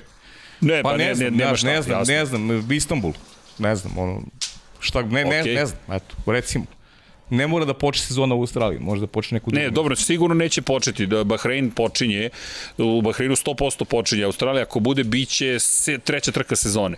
I, I to je to, to, tako je makar za sada, ali vidjet ćemo kako će biti situacija, vidjet ćemo ko će se tu pojaviti, Kad, a inače kada pričamo o, o Istanbulu, Istanbul koja je dve godine za redom bio domaćin, ove godine neće biti tu. Inače, Bahrein ide, pa Jeddah ide, pa ide Australija, posle toga ide Imola, pa onda Miami. Čekamo i Miami da vidimo kako će izgledati. Ali u svakom slučaju, Australija se sprema, pa sad da li će se desiti svi zajedno ćemo saznati. Da, I, I da ne zaboravim, ljudi potom, još malo. Da, daleko je do Tako je. Yes. Ali, ali znaš, znaš šta, nije toliko daleko da timovima, i to je Helmut, to je ne, Christian Horner je to rekao, šef Red Bulla, da želi da zna kakva je situacija sa sprint trkama i da želi da zna kada će biti sprint trke i na kojim konfiguracijama staze će biti vođene, ali pre nego što nastavimo, pazi, pun je sat, to ja osetio sam, Vanja, hoćeš, molim te da pročitaš, pa je nije poneo naučare, to je to je izgovor, nije poneo naučare, a ajmo da se zahvalimo poneo, našim pokroviteljima. to, to, to, to, to. Ove, ovaj, da se zahvalimo, Vanja je ovo snimio, tako da imate pre-recording, što će meni dati priliku da uzmem vodu. Uh, Vanja, hoćeš da pustiš, a ja ne čujem budete pustili. Pozdrav za naše pokrovitelj na Patreon, da, patreon.com kroz Infinity Lighthouse i krećemo sa Sava, Toni Ruščić, Mario Vidović, Ivan Toškov, Stefan Dulić, Marko Bogovac, Ozan Prpić, Marko Mostarac, Nikola Grujičić, Aleksa Vučaj, Zoltan Mezej, Zoran Šalamun, Miloš Banduka, Laslo Boroš, Đorđe Radović, Ivan Simeunović, Mihajlo Krgović, Nenad Ivić, Nikola Božinović, Monika Erceg, Omer Kovačević, Filip Banovački, Miroslav Vučinić, Predrag Simić, Žorž, Stefan Vidić, Mlađan Antić, Jelena Mak, Mladen Krstić, Marko Ćurčić, Ćurčić Milan Nešković, Ivan Maksimović, Bojan Mijatović, Petar Elić, Stefan Prijević, Nenad Simić, Luka Savić, Andrej Božo, Boris Gvozden, Boris Kolubar, Zoran Vi, Zorana Vidić, Luka Vanihtašević, Ljubo Đurović, Borko Božunović, Đorđe Andrić, Aleksandar Gošić, Mirjana Živković, Nemanja Miloradović, Miloš Vuletić, Vukašin Vučenović, Ognja Marinković, Miroslav Cvetić, Marina Mihajlović, Veselin Vukićević, Jelena Jeremić, Antonio Novak, Stefan Milošević, Nikola Stojanović, Jasenko Samržić, Mihovil Stamičar, Stefan Nedeljković, Zoran Majdav, Josip Kovačić, Lazar Pejović, Benjamin A, Nemanja Jeremić, da žena ne sazna, Boris Kujundžić, Tijana Vidanović, Stefan Ličin, Aleksandar Antonović, Dejan Vujović, Nemanja Zagorac, Đole Bronkos, Aleksa Jelić, Aca Vizla, Igor Vukčović, Milan Ristić, Branko Bisački, Nenad Đorđević, Vukašin Jekić, Aleksandar M, Žarko Milić, Dejan Đokić, Bojan Markov, Ertan Prehelić, Igor Gašparević, Alen Stojčić, Depressed Godi Garbrandt Fan, Branislav Dević, Strahinja Blagović, Aleksandar Jurić, Vladimir Filipović, Branislav Marković, Vanja Radulović, Đorđe Đokić, Đukić, pardon, Miloš Todorov, Ivan C, Emir Mesić, Stefan Stanković, Dušan Ristić, Vladimir Petković, Pavle Njemec, Jovan Đodan, Boris Erceg, Mirjana Kovačević, Katarina, Andri Bicok, Mladen Mladenović i Dimitrije Mišić plus 19, stajni pokrovitelja. Hvala vam ljudi puno na, na vašoj podršci, mnogo, mnogo znači. Hvala vam. A sada... Što nisam čuo, ali se nadam da je dobro zvučalo, tako da... Panja, kome je poseban pozdrav? Nismo čuli. Kome je poseban pozdrav? A, patronima, dobro, dobro. A, okay. dobro. A šta si ti pomislio, Paja? Ne znam, da otko znam. Nego se nije čulo do kraja, pa se teo samo da ispuštemo da, da. ovaj vanju da vidimo kome išao. Čekaj, je li nam Deki dobro? Deki? Odlično, odlično. Deki je fenomenalno, nikad, odlično. nikad bolje. Nikad bolje. Vidi, dobio naranđasti mikrofon. Jao, Vanja je car, sve detalje su pokrili. Pa normalno. E, ali tako i treba. Inače, ja se nadam da, da, da, da vam donosim toplo vreme. Vidite vatrica kako se... A, e, i, vidimo, i čujemo, vidimo i vidimo i čujemo. Da. I vidimo e, i čujemo kako lepo kad... pucketa. Znaš kad pustiš na YouTube-u kao pucketanje vatre, nemaš kamin, ali onda gledaš na TV-u i, i tako zvuči. Da, sad sam shvatio da. da se zapravo vatra iz. Nadam se da neće biti kao jedan od onih YouTube videa kad se sve zapali, onda moram da gasim. Ali dobro, neće, kad smo već na YouTube-u. Neće, neće, neće. Ali zapalit će se staza u Sahiru. Inače, jedan od predloga je za sledeću godinu da bude šest sprint trka. Da. I za prvu trku sezone čak se priča da će biti, doći ćemo i na novu satnicu, to je mnogo važna vest. Menja se satnica satnica Formule 1, yes. ali hajde prvo sprint trke, šest sprint trka, uprkos vapaju iz studija na kraju univerzuma da ih ne bude ni tri, a kamoli šest, da ne ali idu ka šest. Ne tri. Da, da, ne bude ni jedna, ali navodno ne samo što će biti sprint trka na prvoj trci sezone, već će se voziti onaj spoljni krug Sahira i kao što se vozila velika nagrada Sahira pred sada već dve godine, uh -huh. a onda u nedelju, to jest u subotu spoljni krug, a u nedelju klasična staza. Pa ako se sećaš, Stefano Dominikali je najavio šest trka u Monci. Jest. Tako da, eto, ništa se, ništa, misli, sve što je rekao tada, ali Paju nije potvrđeno. Kao tačno, znaš. Pa mi smo da će, da, 50 da će biti dana. Mi smo na 47 dana od formula, od početka sezone Formula 1, mi još uvek ne znamo, ali to znaš je za timove isto problem. Da, znaš i sam da se ne priča u prazno, takve stvari se ne govori u prazno, to je, mislim da je to da. planirano davno mislim, izneli smo naš stav, evo, možemo da ponovimo. Meni su uopšte ne sviđa ceo format, ja bih volao da ih nema uopšte, mislim, ti sprint trka, ali okej, okay, mislim. Mo, mo, možda, možda da. vremenom ovaj, i zavolimo, ko zna. Pa ne znam, ovako, na ovakav način, Dobro, vi zovete trke, ja ih dalje zovem kvalifikacije. Da, sprint ovaj. kvalifikacije, da, pa, čekaj, izvini, deki. apsolutno mi, ovaj, ne, ne, ne znam kako, apsolutno me ne, ne dotiču, jednostavno nemam, nemam nikako neko posebno ovaj, ovaj, mišljenje o njima u smislu nekog spektakla ili šta god je neko pomislio da će, da će dobiti time, a posebno ova glupost vezana za, za dve konfiguracije staze, to mi tek ono apsolutno nema, nema nikakvog smisla da se na, na jednoj konfiguraciji kvalifikuješ za trku koja će se voziti na drugoj. Mislim. Ej, meni je to potpuno To mi je ono nonsens. potpuno bez veza, onda bi mogli tipa u, u spa da voze kvalifikaciju za Moncu. Za Moncu, jest. Može i tako. Mislim, potpuno, potpuni kretenizam, ali, ali dobro, mislim, oni, oni se okreću ka, ka tom nekom spektaklu, možda ne razmišljaju dovoljno ovaj, pre svega o tradiciji Formule 1, nego eto, pokušavaju da donesu neke nove trendove koji jednostavno po meni u ovom trenutku, možda sam ja i konz, konzervativan ili kako god, ali jednostavno ovaj, potpuno mi ono suludo da, da, da, da na taj način razmišljaju o Formuli 1 kao da je kao da je neki, neki show program na televiziji umesto ozbiljno automobilsko takmičenje koje je perjanica automobilskog sporta. Yes. To je jednostavno viš, ne može nikako tako. Pričamo o Liberty mediji sada, da. znači vraćamo se na, na teritoriju Amerike i imaju NASCAR.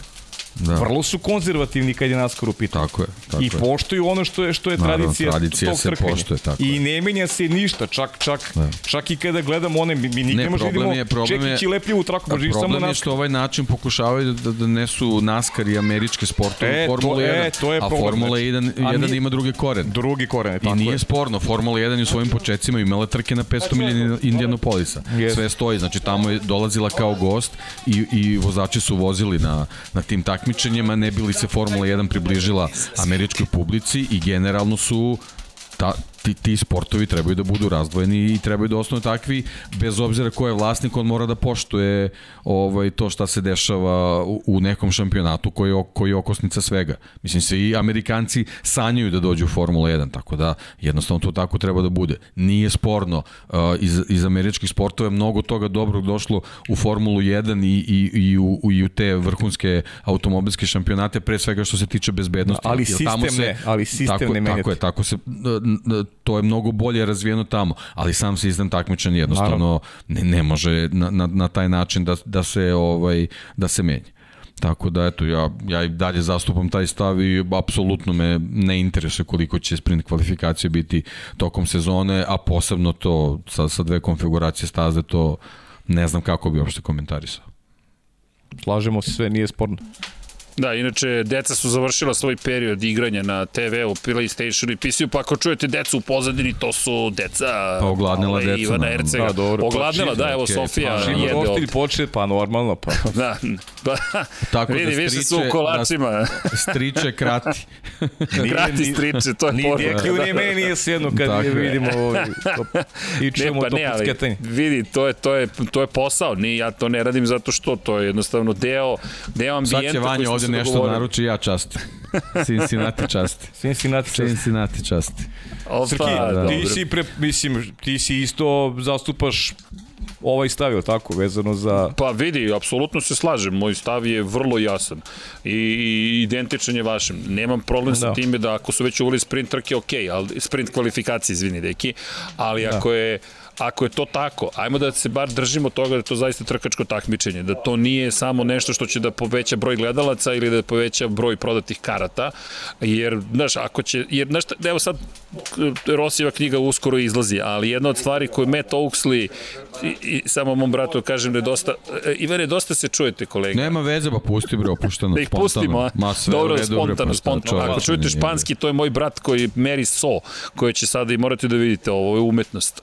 U svakom slučaju, pojenta je sledećem, a, to je da, inače ako se kamera bude okrenula, Sofija je preuzela upravljanje kamerom, tako da znate. Ne diraš kameru, slobodno je diraj, dušo, ti možeš da radiš šta god hoćeš. Inače ima majicu na kojoj piše Zemun, ni manje ni više. Ali, da se vratimo mi na trkanje. Munze, munze konza. Munze konza. da, ali je point u tome da, znaš, nemam problem, hoćete da povećate gledanost, važi ali ajde da stanemo negde, jer onda te sprint kvalifikacije nisu bukvalno ništa do samo, evo pojavili su se subotu popodne ti isti bolidi i sada se trkaju, i vi možete da ih gledate iako to zapravo možda ništa neće značiti osim ako se, ukoliko se ne desi neki incident de facto, što mi se ne dopada jer to nema mnogo veze sa strategijom Formule 1, nema mnogo veze sa bilo kakvom istorijom, ne držim se toliko tradicije, ali mora negde da se podvuče crta i da se kaže, ej čekaj, ovo je Formula 1, i slažem se s vama, meni se iskreno ne dopada šta su uradili, pa ali ok, da se pa, nadamo mislim, da će, dobili da će smo cirkus na kraju sezone pa, da. prošle, da. ne, nemamo šta tu puno da pričamo, mislim. Mm. Bukvalno Koliko cirkus. smo o, o nekim raznim spornim odlukama pričali, to, to jednostavno u nekim ozbiljnim vremenima nije moglo se desiti. Cr, Deki, Srki, samo nije. dinamik, znaš, kad, kad nešto sedneš da gledaš, znaš, da. znaš kad, kad nemam nikakav osjećaj, kad ono, da, da mi, da mi radi adrenalin, da sam, da sam zadovoljan što gledam nešto, ja sam onako popuno ravnodušan kao da se ne dešava pa ništa. Pa kakav je antiklimaks bio u Belgiji? A dobro, to, to, to tek. Posebna priča. To, to, tek. to je Meni pričaš. Tebe gledam. Aj, jako. Aj, dobro, da. Opa, leti ovde sa roštilja. Ali vidi, što se tiče cirkusa, ajde da zaključim samo jedno ime i prezime koje smo toliko puta spomenuli prošli put da me već boli glava. Nije Maverick Vinales, to ćemo sutra, deki. Ali znao si da ga pripremam iz prikrajka, naravno. Nego je Michael Masi. Samo kratko. Da. Priča se da bi mogao zaista da dobije otkaz direktor trke i da će se i dalje čekati 18. mart da se saopšti bilo kakav novi detalj po pitanju istrage onoga što se događalo na posljednjoj trci prošle sezone velike nagrade Abu Dhabija. Znači, da. posle prvog ili posle drugog treninga? E, to, e, ne znam, vidi to. A, ili, ili možda pre prvog treninga. E, ali čekaj da saznamo prvo da li će biti sprint trka, a onda ukoliko jeste sprint trka, šta će biti zapravo satnica tog vikenda kada ide sprint trka. Jer mi za sada čak nemamo potvrđenu satnicu ni klasičnog vikenda. Ali pazi, to, taj, term, taj datum 18. marta, da će oni nešto saopštiti, to se, sad dolazimo na teren onoga što smo pričali prošle nedelje ovde. Znaš, da, da, da. da, je samo, da je samo priča, da se samo pravi priča do početka nove sezone i ništa više. Jer ti, znaš, imaš svo vreme ovog sveta da, da, da se baviš nečime što možda bude važna odluka perspektivno. Znaš, i treba, i treba da, uh, treba da doneseš odluku o tome da li je Michael Masi ispravno postupao uh, u toj posljednjoj trci i da rešiš pitanje neko ko je direktor trke. Pa čekaj, to, ćeš da, to ćete da nam saopštite 18. marta. A, a 18. marta su prvi trening za novu sezonu. To, to, je, to, je, to je toliko smešno da, da zaista nije vredno, nije vredno ni nekog ozbiljnog komentara. Ali bukvalno. Ali, I, ali i znaš se... kako treba se postavimo prema toj stvari? Pa kako se oni ponašaju, kako oni postavljaju stvari, mi tako treba da, da uzvratimo. Znači, ne, nema komentara za nešto što je neozbiljno. Ne, Možemo ali, ali samo da budemo je, i mi neozbiljni. Potpuno je neverovatno da se e, razrešavanje situacije sa Michaelom Masijem podudara sa načinom kako on rešavao situacije to nam nešto čak i govori da očigledno pravo, nije bravo. samo, samo na njemu krivica. Tako i, očigledno i, to da je to tačno. da u toj državi Danskoj nešto I, i još nije pravu, kako bravo. treba. Niješ, niste razmišljali na taj način. U pravu si. U, pravu si u državi Australiji, masi da, iz da, Australije. Pa kako god, pa kako god, kako god. Ovo, ovo mi liči na njega. Je, da, ovo kao da je samog sebe kaznio. Da, da. samog sebe ću kazniti. Masiv da, da, recept, pa da. e, Vanja, šanjem ti nešto na, na Slack, da znaš. E, stigao je e-mail od, znate od koga je stigao e-mail? Od, od Zaubera pazi sad ovo, ne piše Alfa Romeo, nego piše Zauber Motorsport. Pa onda Alfa Romeo F1 tim, pa Orlen, koji i dalje podržava ekipu, inače veliki poljski proizvođač naftne industrije, predstavnik naftne industrije. Inače, stigla je fotka i fotografija makar dela novog bolida. Ne znam da li je rendering ili nije, pretpostavljam, ali zanimljivo je da kaže da pričaju o Zauber grupaciji, Zauber Motorsport, bukvalno to atle kreće i Zauber je robna marka, Zauber brand, u kojoj Zauber Motorsport se priprema za rast sa Wild Brand CPL Geom i to je inače jedna od glavnih agencija za licenciranje robnih, mar za robnih marki i sportskih događaja i zabavnih događaja. Tako da će kompletan brand Zauber grupe voditi Wild Brain. Koliko god to delovalo naivno, uopšte nije. Uopšte dakle, mi sada govorimo, o, mi govorimo o tome da sad Zauber daje jednoj profesionalnoj agenciji da se bavi promocijom Zauber robne marke. Pa znaš kako, bukvalno može da se završi time da ćemo u stvari imati samo Ferrarijeve motore koji će biti brendirani Alfa Romeo. Da. da ćeš samo u nazivu ekipi imati Alfa Romeo kao Zauber Alfa Romeo zbog, zbog agregata, zbog motora, a možda je. ništa drugo neće biti u priči. A možda i Zauber Alpina ili nešto peto kasnije, ko zna, jer Zauber je uveo Mercedes ponovo u Formulu 1, možda će uvesti još nekoga. Nikad da. se ne zna. Ali zanimljivo je i kažu zapravo da će se baviti proizvodnjom odeće, obuće, poklona, e, igračaka, kolekcionarskih e, primjeraka, zatim i da će se fokusirati, pazi sad na ovo, na Veliku Britaniju, emerging markets, Kinu, Indiju i Severnu Ameriku. Pošto je Odić i to, fla, znaš koji nedostaje, samo Flavio Briatore. Nemoj deki u to da govoriš, pa na, ne. Pa zato sam Izgovor, Izgovorili smo Vinjales, Masi i sada Briatore, pazi, to je trailing koji se ne spominje. Do, dobro se snalazi u takvom okruženju da. Flavio, znaš. A, da, pa Flavio bi se snašao u celoj toj priči sjajno, ali evo, ne, ne, vidiš da smo predosetili da Zauberu, kuva se tamo nešto. Šta ima? Halo Bin, kako vrat? To, to, to. To mu ide od ruke. A, sjajno.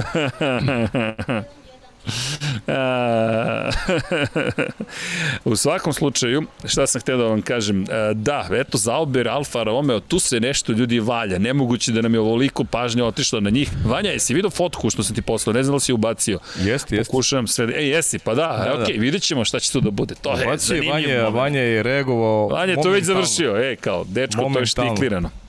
Tako je. Ali, ali, ali eto, opet se mi vratismo na njih nekako. Viš što ti to zanimljivo? Pa dobro, Inače, i, i, guslamo više to, tema, pa.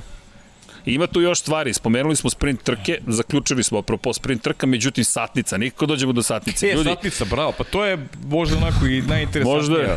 Najinteresa, naj, pa najuticajnija, najkonkretnija stvar koja baš će konkretno da utiče na to kako pristupamo trkačkim vikendima za početak neće trajati 4 dana. Kada kažemo 4 dana, da budem precizan, ranije smo četvrtkom imali prve konferencije za medije. Pa petak treninzi 1 i 2, osim kada je sprint vikend, tada imamo trening broj 1, pa imamo sprint ne, pa imamo kvalifikacije, izvinjam se, pa imamo trening broj 3 u subotu, pa sprint kvalifikacije, pa onda trku. A običan vikend je bio tako što je išao prvi trening i drugi trening u petak, konferencije za medije popodne šefova timova, pa u subotu ujutro trening 3, pa kvalifikacije popodne i trka. E sada, konferencije će biti u petak pre podne, pri čemu u sklopu inicijative u kojoj će se truditi da približe razvoj novih delova bolida i bolida ove godine javnosti, će taj petak biti korišćen zapravo da medijima, timovi predstave nove delove koje su doneli za taj trkački vikend. Zatim priča se nije potvrđeno, od 12.30 trening broj 1 i dalje će trajati 60 minuta po 60 da. prvi drugi. Dva sata pauze od 13.30 do 15.30, tada ide trening broj 2 još se ne zna u subotu ujutru kada će ili podne biti treninzi, mada se spekuliše da bi moglo da bude kao do sada i trka kao do sada od 15 časova. A kada će ja ta biti? Ne, pa niko ne zna. Čekaj. Pa ne, ali, ali pazi, to je sad priča, eto, konkretno, Pa da, vi ste komentatori, pa, postoje da. televizije koje moraju da prave svoje programske šeme. Tako je. Ne, ne mogu, Tako ne je. mogu 17. marta da saznaju Just. Kakav je raspor. Znači, stvarno, onako neke stvari koje, ono, ja, ja do, do sad nisam, nisam navikao sa, sa Formulom 1 da na taj način ovaj, slažem se, neke stvari. Slažem se.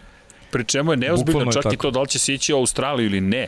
Zašto? Dve stvari. Prvo, Australija je, ako posle slučaja celog sa, sa, sa, sa međunarodnim prvenstvom u tenisu nije rešila pitanje kako da funkcioniše sa sportskim događajima, ne znam kada će, i celo incident sa Đokovićem koji je katastrofalno vođen.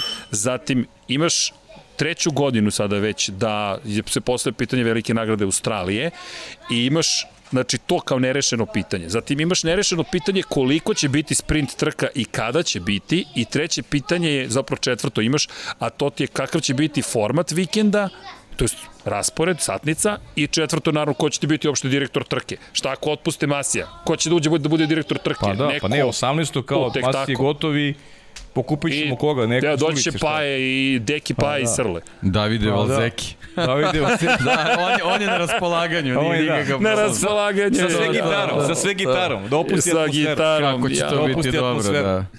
Pa ja, ljudi... Mislim, jeste smešno, ali... Znaš kako i ta satica, šta što si rekao, mislim, znaš, kao da se to sad ima neko velikog ustupanja od onoga što smo gledali ove godine, znaš čemu te sad promene, znaš, opet neki kozme, kao mi smo nešto radili, znaš, najviše mrzim te kozmetičke promene, znaš, koje su, ko, koje, koje te dovodi do toga kao eto, mi smo, razmišljamo, radimo nešto.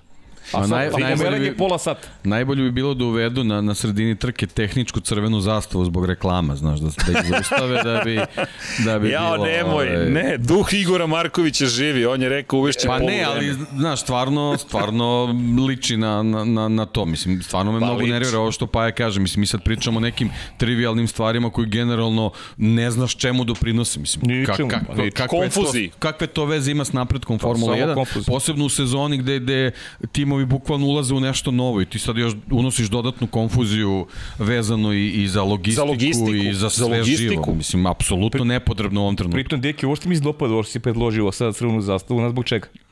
Jer možda neko sluša pa prevede ovo. Neko sigurno i, sluša, i pazi. ideju. I da, da, da, jao. I šta smo onda uradili? Da. I mislići da si ti to pričao jer si da. dobro namera ko će da pomogneš. tako Nisu je. shvatili ironiju uopšte. Da. I ugledam Čekaj. ovo pravilo sledeći uvijek šta smo onda uradili? Da, bolje, sle, sledeći put ćutim, neću, samo pričamo o aktualnim stvarima. Samo aktualnim. Pokušaš da. da dobiješ posao u Liberty mediji. Da, pa vidim, sigurno bi, sigurno bi se dogovorili za dobar iznos. Da ja, da ja mogu da, da radim vidi, podcast iza, ispred ja, roštilja. Vidi, da, ne, ne. Zašto ne bismo pa i ja to radili? Tako e, je. vidi, da. ako, ako se ne šalite, Niz vidi, sledeći, čim dođe lepo sled... vreme paja, ja se javim sledeći, iz Bačevca. Sledeći februar. Otvoren, dogovoreno, dogovoreno, da. deki. Ok, prihvat, dve, prihvatio dve stvari. Sve smo rešili. To je Hoćete sledećeg februara sa mnom u Čile. Sledećeg februara u Čile? Da. Da ti pitam, jesi išao da Chile Argentina da gledaš? e, nisam, nisam stigao, da bio sam u karan, bukvalno sam morao da sačekam negativni Pogledat ćemo pa je ja satnicu sportskih događaja pa ćemo ti pa ćemo odgovoriti. Ti tako, okay, tako je, ali, ovaj, mislim, eto, najbolje. Da. Ima, ima, ima, postoji opcija za to. Ali ja moram da vidim dakle, kada je sledeće godine Super Bowl, znaš. Sad sam moram ja to da ubacujem u kalendar. Bravo, bravo, deki. Vidi, ima dovoljno vremena sve da se uklopi, gde ima volje, ima i načina. Dobro, dobro. Sjajno. Ali eto, to je prva stvar. Druga stvar, znam ko bi bio sponsor našeg dragog podcasta da odiš u Liberty Mediju. dakle, acquisition, acquisition, deki. Kažeš imam jednu sjajnu ekipu, znam šta rade. Da, da samo ali, da nas ne slušaju šta smo pričali o njima. da ne prevode da, stvarno. Kad, ne. kad smo kod prevoda, Pajo, nešto, ne, ne, ne dobijam neke dojave ovde, neki prevodi će da padnu, ja se nadam. E, da, da, da, da, A? mislim, bilo Smem ja da to... promovišem? Pa smeš da promovišeš ovaj, ajde samo da tu ugleda svetlost dana. Dobio sam Dobre. ovaj, eto neki, ajde da ga nazovemo poklon koji me mnogo obradovao, a mislim da će svima značiti, jer, jer dobio sam i ovdje sugestije da ovaj podcast je pod kapicom da se titluju i izgleda da, da će to da bude tako. Ma predivno, ko ne prati bravo, pod kapicom, bravo. sad je da, trenutak. Da, to je stvarno sjajno. Jeste, i mnogo je divno. To, to što ti radiš je kulturološko, sportsko blago, nasledđe koje treba da se trajno čuva. To što si ti radio, ja zaista... Ne, ja, ja stojim pri tim rečima, ja sam i fasciniran i oduševljen i, i, i mnogo volim to što radiš. Tebe naravno mnogo volim, ali i tebe deki naravno. Ali, ali, Vo, ali čini volimo i mi tebe, Srki. to, to najzad malo emocija, ali zaista ko nije, ko nije pogledao pod kapicom, kucajte pod kapicom.com ili samo ukucajte pod kapicom u Google, da, izaći će vam YouTube. Da. Tako je, subscribeujte se, lajkujte sve vide, to je ljudi bukvalno blago. Ja ne znam da je neko lično kao pojedinac uradio više za promociju jednog sporta koliko si ti uradio za vaterpolo. A, ako ga se sete na dan bezbednosti, sete se, ako ne... Nikom nije Dobit će kapicu. Idemo mi u Bačevac, da. nije problem. Ne, ne, Bačevac, da, da, Bačevac nam je zagarantovan. To, to je Dobro, je Bačevac dogovoren? Ili ne, idemo tamo gde, gde, gde je grafit? otvoren. Ja sam prihvatio poziv, gotovo. Sve to je to, da. da. Ništa, vidi, evo, testirali smo kako izgleda mobilni studio, oprema je spremna, imamo sve što je neophodno, novi audio organ, organski vikend. Organski vikend. Organski Tako vikend. ne, ne jede se eko, ništa organski. Ne jede se organski. Eko vikend. To se zove eko vikend. Jest. Odmor pod vedrim nebom. Da. Eto, rad, deki, pod vedrim nebom. Rad. Dobro, sve okej. Okay. Naporan rad. Može i tako. I vidi, i ovo je rad. Misliš da je meni lako? Se osjećamo s tobom. da, da, da, ali da se vratimo, ne da vratimo ja, fokus ja sam na čak i suzu pustio, ali ne, ne, ne vidiš. Loša rezolucija. ono hvala vam ljudi, hvala vam na tome. Da, intermeco je gotovo, idemo. intermeco je da, gotovo, idemo. da se vratimo i na stazu. Uh, omiljena tema, nije, dve teme imamo, ajde, hoćete Formulu E prvo ili VRC? To su imaš dve teme ostale, pa mislim, Vidi, Romi što Marković nije tu za Formulu E. ali vidi... VRC, VRC ima pitanja, ima, ima za Deki pitanja već za VRC. Tako e, vidi, da, Deki... Može Formule ajde, ajde. Ajmo Formule E da, da pokrijemo. Ajde. Samo ukratko, Mercedes je pobedio u prvoj trci, u drugoj trci Rokic, Venturi pobedio, Mortara vodi u šampionatu, čestitke Roki Venturi ekipi za sjajan početak godine. Za njih i navijamo, to su ti lični momenti, pošto ne prenosimo, onda Rokit nam je ostao drag nekako u srcu, a ovaj, u svakom slučaju Mortara da, i počela je sezona, to je ono što je bitno. Bez obzira na sve, to je i dalje jedno volio bih da kažem ozbiljno takmičenje, mada bojim se da, ga, da se i dalje ne shvata dovoljno ozbiljno. Ironija je da ako odete na Wikipedia stranicu šampionata još uvek nema izveštaja sa prve trke, nema stanja u šampionatu sa prve trke, sam šampionat se ne bavi ključnim stvarima, baš mi se nije dopalo koliko ne vode računa o nekim stvarima, a šteta trke su bile baš dobre. Pa dobre su trke i ono, kao što se rekao, to je generalno neko revolucionarno takmičenje koje je razvijeno zbog tog nekog industrijskog trenda razvoja čitave, čitavog tog automobilskog sektora i, i ok, mislim, trke su sve ozbiljnije ozbiljnije. E sad, tu je taj moment Alejandro Agag koji je generalno pokrenuo tu čitavu priču, sad se bavi ovaj, ovaj ekstremi šampionatom, možda je više, znači off-road takmičenjem električnih ovaj automobila gde je dobio mnogo veću podršku i, i, i nekih velikih zvezda, Luisa Hamiltona, Nika Rosberga, Jensona Battona, tamo vozi Sebastian Loeb, vozi Jutta Kleinschmidt, Baton se s vremena na vreme pojavljuje, napravi odličan koncept vezan za, za ekologiju, ovaj, zaštitu životne sredine i to takmičenje kreće bukvalno za, za mislim da je sredinom februara, znači za, za, za dve, tri nedelje kreće. Pa i McLaren je ušao. Datum, tako i McLaren je ušao ove godine, tako da sad ako imaš jednog, jednog čoveka koji vodi čitavu priču, ako, ako je možda u ovom trenutku zainteresovaniji za nešto što, što možda ima Jasno. i veću perspektivu, onda nažalost eto ta, ta Formula E ovaj, možda se nađe u, u, u nekom zapečku i zato što i, i, i tu je ostao bez podrške nekih velikih kompanija koje su među vremenu izašle, ali dok je Mercedes tu jednostavno to to deluje onako onako ozbiljno i ovaj uh, mislim treba mu posvetiti pažnju posebno što se tu nalaze neki vozači koji eto nažalost ne mogu da, da se nađu u Formuli 1 zbog tih, tog manjka mesta koji imaju onda na, na takvim takmičenjima dobijaju priliku eto da pokažu koliko vrede i Mislim, treba, treba ispratiti sad naravno bez obzira ovaj, kako, kako god razmišljali mi o, o tom sistemu pogona i kako to sve funkcioniše tamo, mislim to je ipak, ipak jedna ozbiljna priča, ozbiljna su ulaganja tu. Ozbiljno ovaj, trkanje. Tako je, ozbiljno je trkanje. Trkanje je stvarno ozbiljno. Zaista. I ono što smo pričali, mislim, najveći hendikep Formule E, što je, što je to takmičenje za sebe potpuno odvojeno od nekih drugih priča, da, da, da postoji mogućnost Jest. da bude ovaj, kao što smo pričali ovaj, o Moto E takmičenju, da bude Tako sastavni je. deo cirkusa Formule 1, možda bi u, i ono vremenom i, i, i bolje zaživelo, ali eto, jednostavno tu je gde je, priprema se ta treća generacija bolide, treća generacija baterije pre svega, možda će one doneti ne, neku, neku duže, veću snagu i neko duže trajanje trka, pa eto možda u budućnosti se oni priključe ovaj e, cirkusu Formula 1 kao što je i ženska formula mogla da, da pronađe svoje mesto, pa eto možda, možda mu treba dati priliku na taj način sačekati stvari da vidimo dok će ići to, to, ovaj, taj razvoj, ali eto do tad treba to pratiti čisto da, da budemo u toku i ako se jednog dana priključe da, da vidimo kako će to izgledati.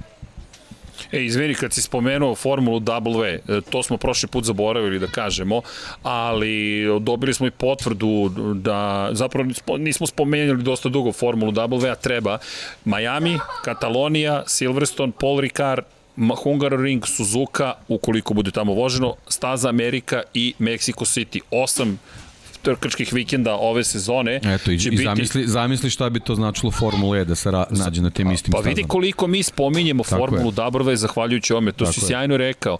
Mi pričamo o, o tom šampionatu, ja mislim da je ta veza između da, Formule E i Formule da li bi, da li bi pričali o Formuli W? Ne. Da... Tako je. Ne. To je, I to je ta sudbina koja je zadesila Formulu E. Znači, u čitavom konceptu koji generalno nije, nije loš, eto, to odvajanje na, na, na te ulične staze koje nemaju, nemaju dodira sa Formulom 1 u smislu ovaj vožnje u istim trkačkim vikendima je donalo to što je donalo. Pa vidi, ja moram da priznam da, da, da o Formuli W, da Filip nas nije 500 puta spom, po, opomenuo i rekao, ljudi, ne zaboravite Formulu W, ja mislim da je ne bismo spomenuli, dok nije došlo u Formulu 1, bukvalno. Pa dakle, da, da se pa ne lažemo, čak ni mi pa nismo. dobro, i dok nismo počeli da radimo, realno, da, da je komentarišemo. Što je, to I drugačije kad ti vidiš te trke, ispratiš ih, uđeš naravno, nekako u pa celu tu priču. Pa sad znaš te devojke i... Tako je imamo priliku da ih pratimo sada, znaš, da vidiš kako se pripremaju za novu sezonu i tako dalje i da. tako dalje, znaš, to je već druga, druga, druga dinamika i, da. i, i nas no, kao novinara koji, koji to pratimo, a, a naravno Jeste, i, da. i publike koje a, recimo, to želi da eto, da gleda. Eto taj Extreme E šampionat koji ima, ima odličnu, odličan ovaj koncept gde, gde u, jednom ekipu, u jednoj ekipi imaš jednog muškarca, jednu devojku kao, kao vozača je stvarno onako uh, yes. sjajan i, i, na taj, i na taj način donosi tu, tu, tu promociju i sad bez obzira što, što, se, što se vozili odvojeno od svih drugih priča, ispašće da će biti mnogo ispraćeniji od Formule E tako da to je, to je nešto što je tom, tom šampionatu od početka nedostajalo, a od, od, od prve sezone imao i, i dobra vozačka imena i sve, ali eto, jednostavno taj, taj koncept nije, nije dobro prošao i, i to mora da se menja. Eto, nadam se od te sledeće generacije bolida možda dobiju priliku da se uključu uz, uz neke ozbiljnije, ozbiljnije praćene ovaj, automobilske šampionate, pa da dobije neku drugu šansu. Ovako nije baš budućnost najsvetlija. Da, ali šteta, velika zaista šteta. Me, meni je šteta, jer sedem da gledam trke i razmišljam, čekaj, ovo je stvarno zaista pravo takmičenje, pravo trkačko takmičenje, ali opet, pa promocija, kao što, što si ja rekao, marketing. o Moto E. Isto, da, pravo, pravo trkačko takmičenje u nekom konceptu gde ono, bukvalno imamo ono diametralno suprotno razmišljanje. Nekom se ili potpuno sviđa, neko potpuno ignoriše. Tako da Ovaj, ali, ali je generalno, ako, ako ali... uđeš u koncept samih, samih trka, da, da, da to, ako to posmatraš na taj način, vidiš koliko je to dobro. Sad, verovatno to imamo i u Formula E, ali jednostavno, pošto je odvojeno od svega, Na drugom da. kraju univerzuma što se nas tiče. da. negde, pa negde, u Čile, negde u Čileu je. Mora da bude... E, vidi, ovde da, se... Da, da ne Pazi, to mi je pobeglo. Formula E se ovde vozila, ove sezone se ne vozi. Jest, ali, jest. ali to sam hteo da vidim zaista. To su u parku u centru grada vozilo se trke, vozilo se trke i to mi je žao što sam propustio. Prosto da vidim i uživo kako to izgleda. Deki, to ono što si ti rekao, odeš na odmor, ti tražiš gde je prva najbliža staza, da vidiš šta se tu vozi čisto Uvek, da odeš da je, uživaš. Tako je, tako je. Prosto ili, to ili te staza vuče. ili koncert. Ne, ili koncert, da. da, da. U, jao, znaš, to, to, mi je, to, mi je, to mi je najteže palo. Iron Maiden koncert 2015. ili 16. I ja imam kartu, moram da letim zbog posla nazad za Evropu tog dana, a u Santiago se svira i snima taj koncert. A, to mi je tako žao što sam propustio. Ali idemo na koncert u Beogradu. E, mogli bi, Pajo, i ja ću u kafanu ako ideš sa mnom na Iron Maiden. Pa mislim, to ti je završeno, naravno. O, to pa je, zamisli nas trojica, moramo neki VIP zonu da nas ne povrede. ne, neće da nas povrede, ne vrem. Neće, neće, Umemo ne, da ali dobro. da, umemo da se čujemo. E, a, da li sam ja propustio samo da im, e, što se tiče četa, sad će to da ispratim, nisam sve stigao, ali VRC ima još jedna stvar. VRC. VRC, VRC, tako je, tako je, to hoću da kažem, Formula W je super što smo je spomenuli jer je mnogo važno, jer zaista je mnogo dobro takmičenje i vidjet ćemo ove, ja mislim da, da oni nove, ne menjaju nove bolide. priča, Jamie Chadwick neće voziti ovaj, e, da. ove, da. ove sezone, tako da dobijamo novu priču tu. Jamie Chadwick će biti u tom Extreme E šampionatu, da, da. Ove, tako da eto, ne, neke nove devojke će dobiti priliku da, da, da, da, ovaj, da izađu na Ona je baš izdominirala šampionat. Da, da, da, da. Mm. Ne, baš je za klasu bila iznad drugih. I, i svaka je čast. Da. U dve sezone, 2019. 21. je održavano, održavano prvenstvo i, i, i zaista svaka čast. Inače, pozdrav za Filipa Đorđevića koji nas, koji nas je uveo u Formulu W. Pa dobro, Jamie u stvari poslije vikenda, one poslije vikenda u stvari obezbedila. Ta se vozila vozile dve Jest. trke i tu imala i pol pozicije i dve pobede. Ona je u stvari tek tada rešila ovaj pitanje šampiona. baš bilo Ali, dominantno. Da, da, da, dominantno u posljednjem da. vikendu. Jeste. A i oni inače, inače voze Tatuse F3 318 su bili, mislim da ostaju i za ovu godinu. I to su, to su bolidi koji su Formula 3 bolidi, praktično, samo što su motori malo drugačiji. To, to, to je autotehnika. A dobro, nekako je meni sličnije Formuli 4, mislim. To je... Da, Formuli 4, pravo si, to je ono što i Filip vozi u Španiji. Da, da, da, tako da, je, tako je, tako je, Formula 4, pravo da. si. To je taj tatus. I dolazimo do ne elektrike, nego do hibrida. Deki, počela je hibridna era u svetskom šampionatu u reliju. Ne samo što je počela, nego što ti reče salto unazad za Sebastijana Leba, neverovatna bitka između njega i Sebastijana Ožijeja u Monte Carlo na mestu velike istorije i krenulo je. Kako tebi sve to izgleda? S obzirom na činjenicu da eto, nešto novo smo videli na stazi. Pa ne, što se tiče VRC-a, mislim da nisu mogli ni da sanjaju da na bolji način krene ovaj, čitava priča, da uđeš u novu eru sa, sa dvojicom legendarnih vozača, mislim, ono, to je kao da imaš dva Mihajla Šumahera u, u Formuli 1 na stazi u istom trenutku, ovaj, gde, gde, gde se bukvalno do, do, do, da. do, poslednjeg, do poslednjih metara specijalnih ispita bore, bore za, za ovaj, za pobedu i da, da pobedu odnosi čovek koji samo par dana pre toga završio kao drugi na Dakaru.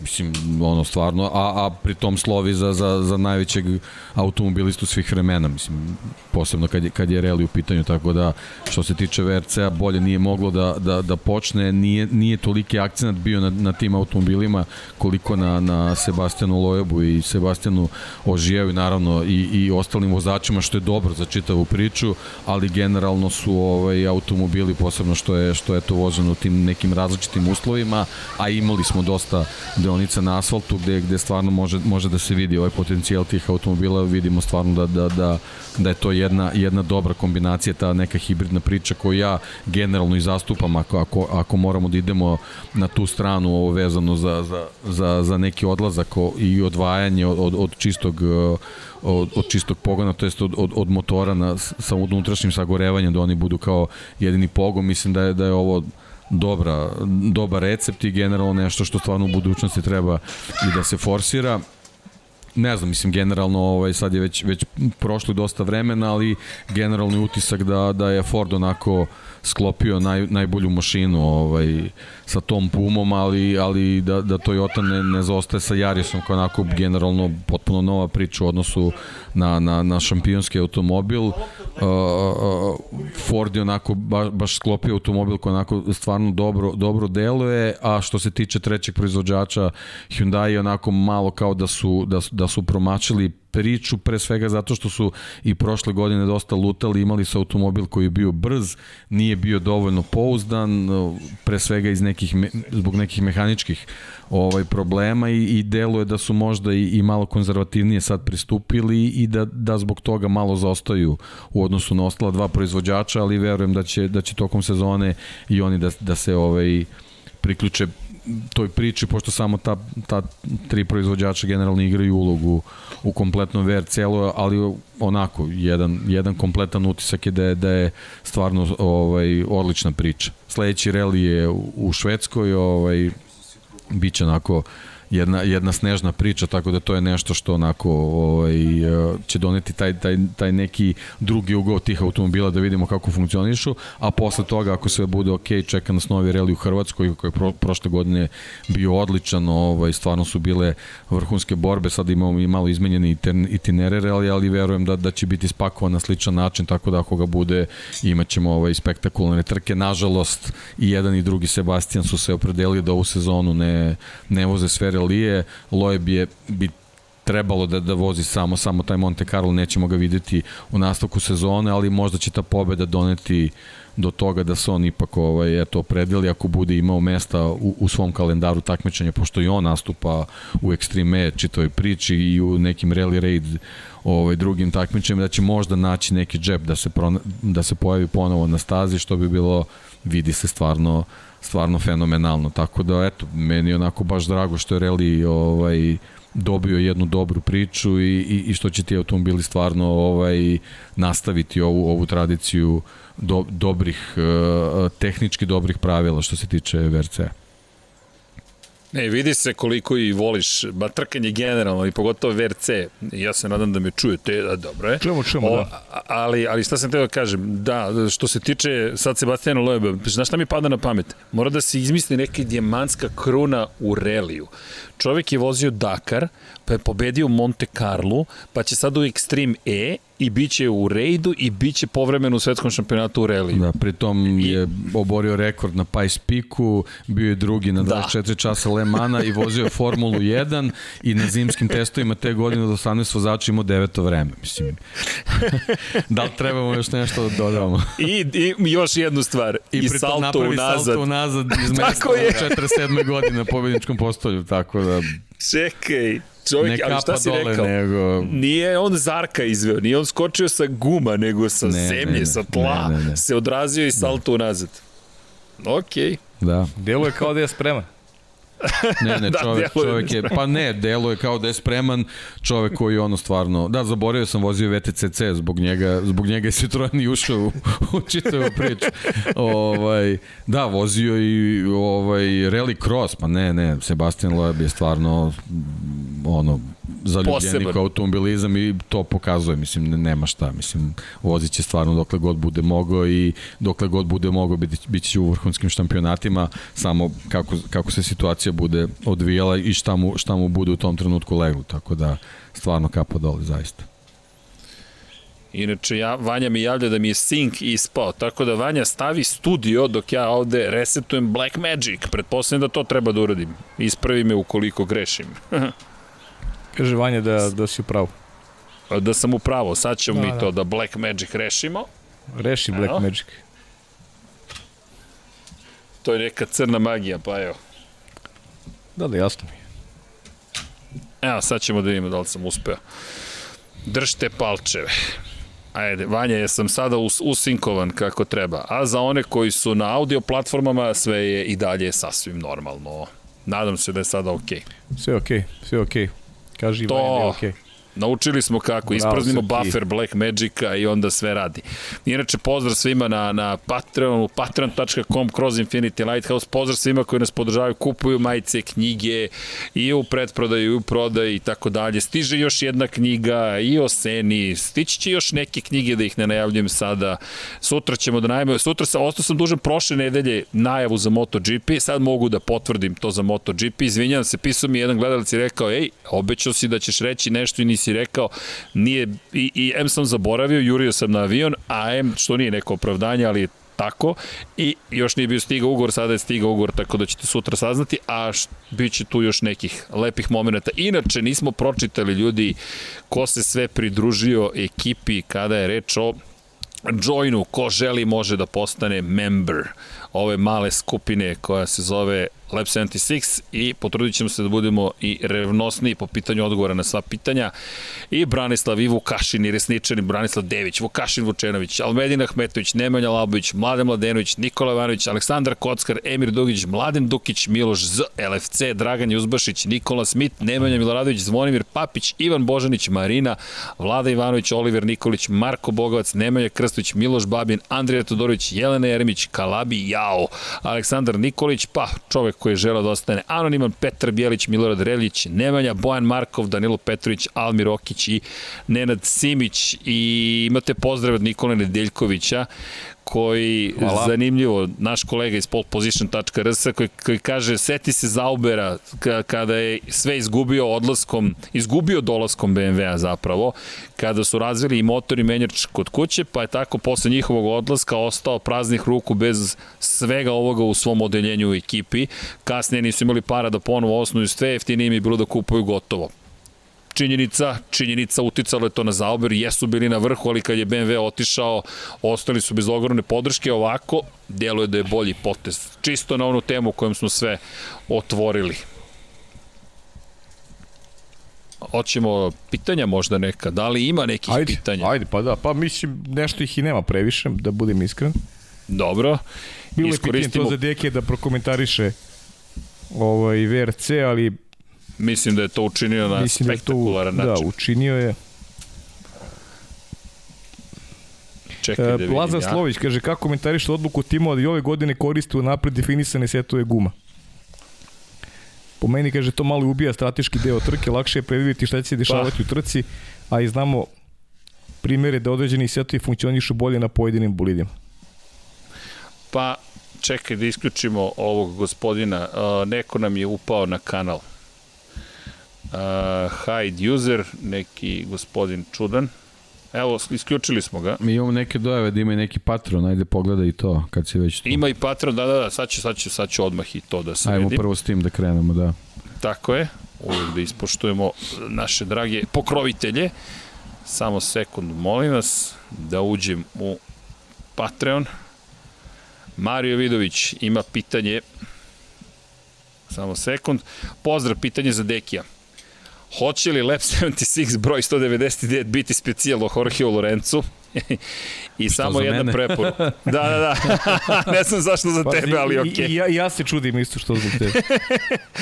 Uh, da, inače i samo jedna preporuka svima. Gledajte podcast pod kapicom. Ja se neki dan šokirao kada sam čuo da je Maro Joković najtrofejniji vaterpolista Hrvatske svih vremena, jedan od najboljih levaka svih vremena, zapravo dešnjak. Sve radi s desnom rukom, jedino što radi levom je da zabija golove na vaterpolu. Tako da ima vanzemaljaci i u drugim sportovima. Pozdrav svima. Živo isto. Mario, hvala, hvala, Mario. jeste. Piše jeste. Mario stalno, hvala ti Mario još jednom. E sad, uh, Andreja Branković kaže poštovani već dume, samo da im uh, da, da, da, to, priliku da, kolekcije to, i po pohvale nam šalje. Hvala, ovde Andreja pohvalio, Hvala. inače samo pohvale da vidimo. Nebojša Živanović, plaćam samo da Paja čita šalnu stranu, veliki pozdrav iz Amsterdama, majce, super, čekam neke lepe dukseve. Pajo, ne, vidi, Čitam- Vanja, čitam od sledeće sada rekviziti. Samo daj dioptriju Vanji i to će biti sređeno, Da, uvek da, da. imaš naučare spremne. To, to, to. A, i, I tako, čekaj da imaš neko pitanje. A Ja mislim da je to to koliko ja vidim za Patreon. Svi su na zimskom odmoru, ali ljudi još malo će krenuti sezone Da, da, da, i jao, bit će zabava. Čekaj, Šta, a, Nemanja Ivković kaže šta mislite o informacije da će predsezonski trening u Barceloni biti zatvorenog tipa? Pa, da, na, priča se da će biti zatvornog tipa, to je da neće biti mediji prisutni. Ne znam, meni se to ne dopada. Ako već pričamo o spektaklu, a onda odjednom kada bude prvi put na stazi viđen novi bolid, mi to nećemo videti, ali znate, ka, znate znaš šta mi tu pa, pada na pamet? Neko će opet na brdu tamo u, Barceloni da sedi i da fotografiše Da, da. sa strane. Znaš, tako da malo nas vraća u prošlost, kad nisu svi imali, a sad tek sa kamerama, evo, Mis, ja misliš Jelena Trajković, misliš? Ej, pozdrav za zvezdicu, Pozdrav, ali ne bi me čudilo zvezdica. da, bude negde tamo na brdu i da kaže čekaj, imamo ekskluzivu. Čekajte malo. A, da. Ej, pa mogu bi da preletim preko Barcelone nazad, znaš, i onda da odnesemo opremu i podcast dok se vrte u pozadini.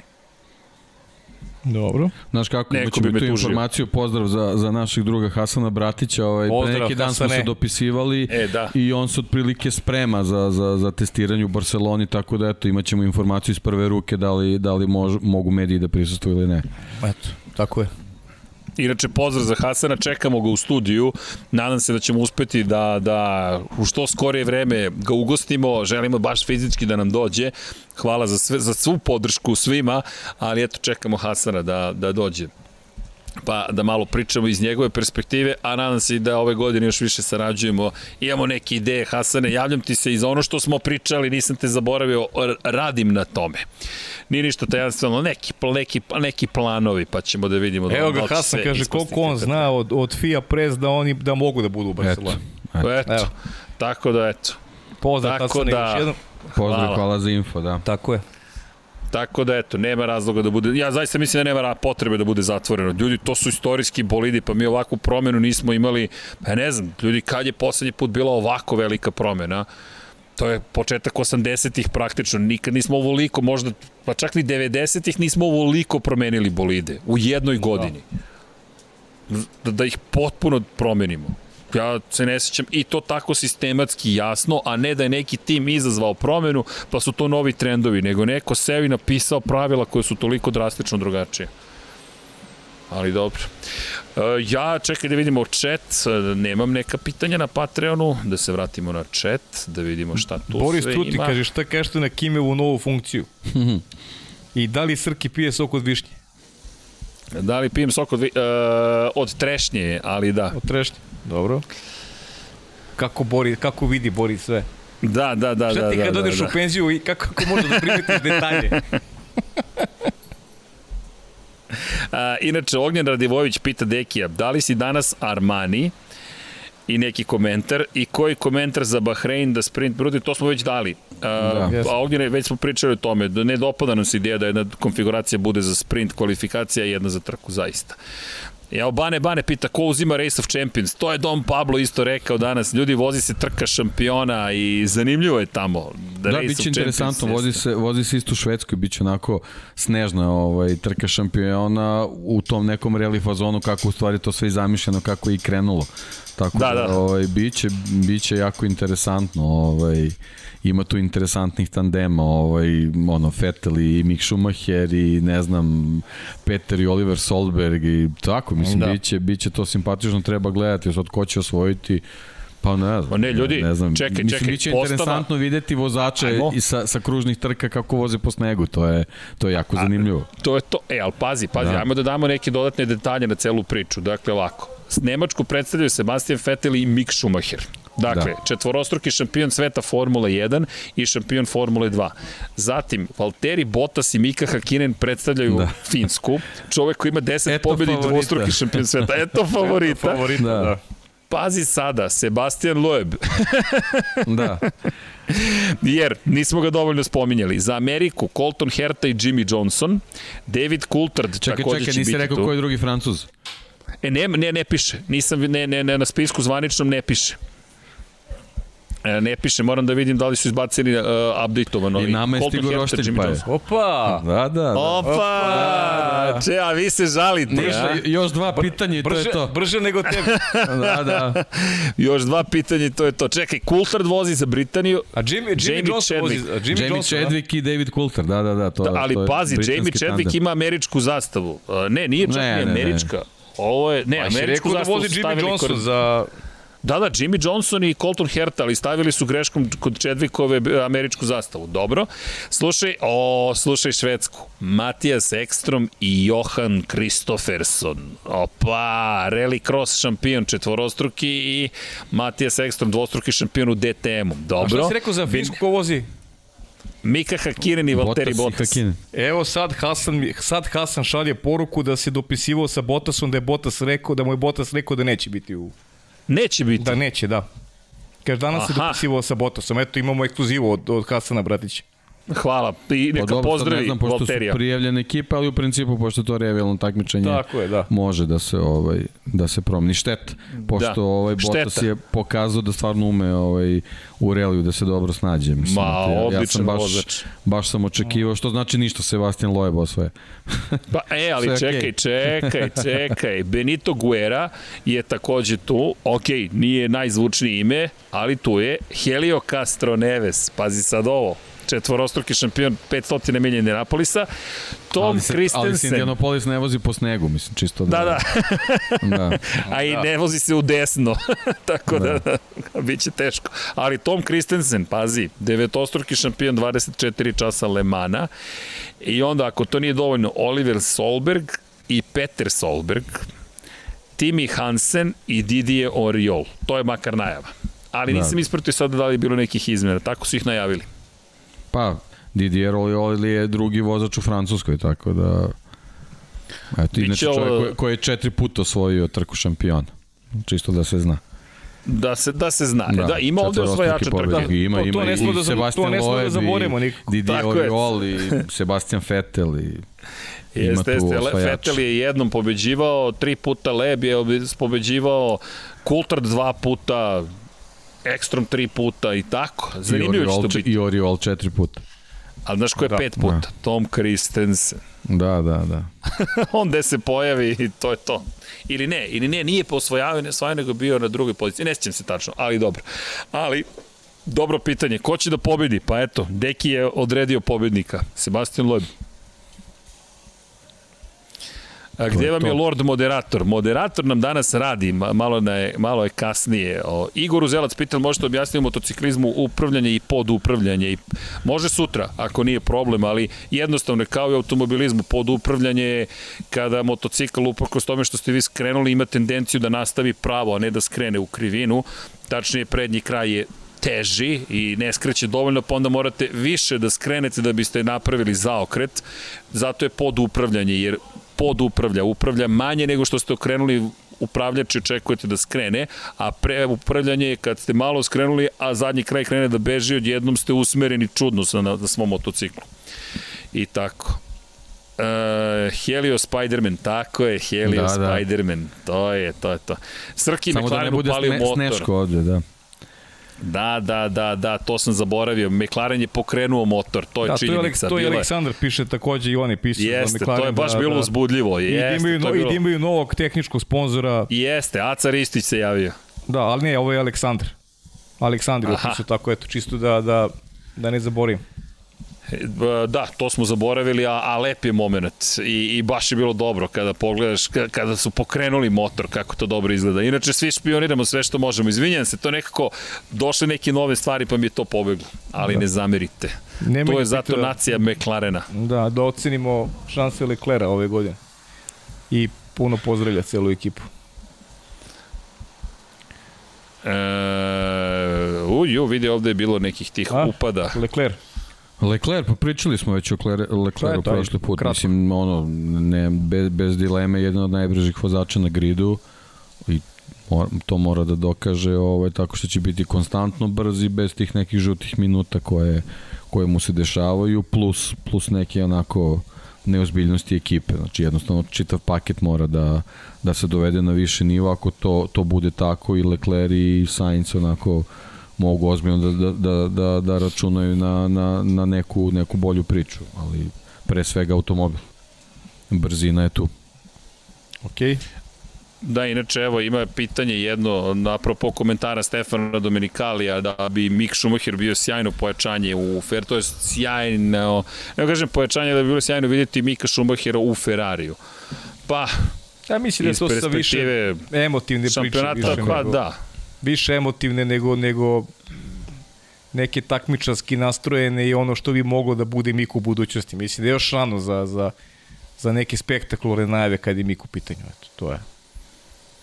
Da, to Domenikali je, komentari su iz Sebastiana Fetela, pošto je često kritikovao Fetel, Domenikali i Formula 1, rekao da da, da ne svata to kao kritiku, već kao želju Sebastiana Fetela da se napreduje. Šta će drugo i da kaže? Prosto Sebastian Vettel je u jednoj specifičnoj situaciji u svojoj karijeri, u specifičnoj, rekao bih, eri svoje karijere, a to je u timu je koji ne znamo šta može ove godine da pruži, to će biti zanimljivo svakako, ne bih pocenio Aston Martin ni ove ni sledeće godine, ali svakako nije u vrhu, na vrhuncu svoje karijere, a četvorostruki šampion sveta i njegova reč je prilično jaka i koristi to da, za podizanje svesti o ekologiji, o bezbednosti, o stvarima koje su njemu važne. Tako da Sebastian Vettel radi jedan ozbiljan posao i dobro je što ga sluša i što ga shvate ozbiljno i ne vidim da Domenikali nešto i drugo može da kaže. Šta će da kaže? Da mu smetaju kritike koje su prilično na mestu.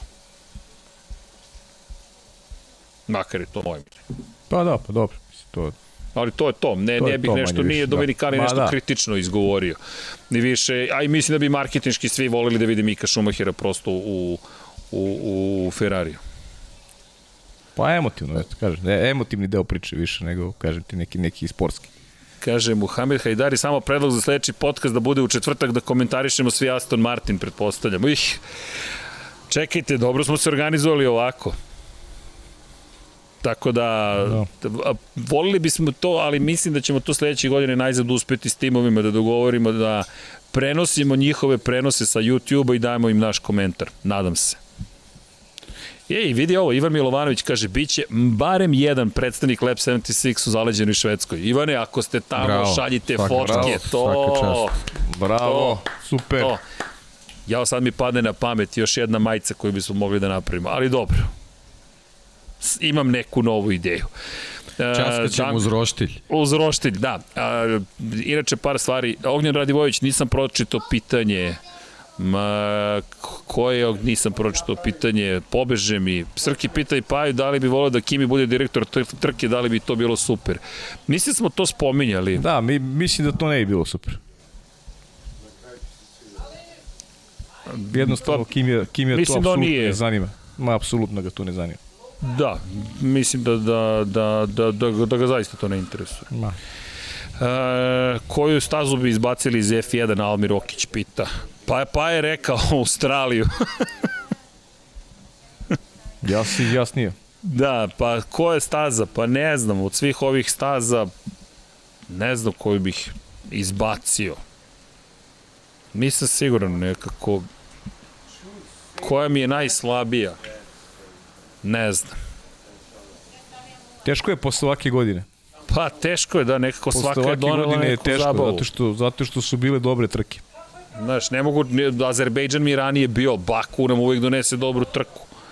Imola je Imola, Miami ne znamo kakav je, Saudijska Arabija, možda Saudijska Arabija, ne toliko staza koliko ceo, sve to što se događalo tokom vikenda, ali hajde da damo ljudima šansu. Bilo je prva organizacija ikada, da vidimo posle ove druge kako će biti situacija, ali ni njih ne bih izbacio. E da, Singapur, to smo zaboravili. Singapur je produžio ugovor do 2028 da će biti u šampionatu seta Formula 1. Tako da Singapur i dalje želi da bude domaćin. Jeste da dve godine za redom nije bio, ali produžili su ugovor. E, šta još imamo? Evo, ali da završamo polako. Ja mislim da da je vreme, stigla je hrana tamo, nije zbog mene, ali eto, stigla je hrana. Da, da hvala ti, hvala što si da. saosećaj. ja, baš gledam i, i obradili smo ove sve teme koje smo planirali, ba čitam sada. Da, dajte u vašem stilu neki Dark Horse. Evo Amire, Dark Horse, Alfa Romeo. Eto.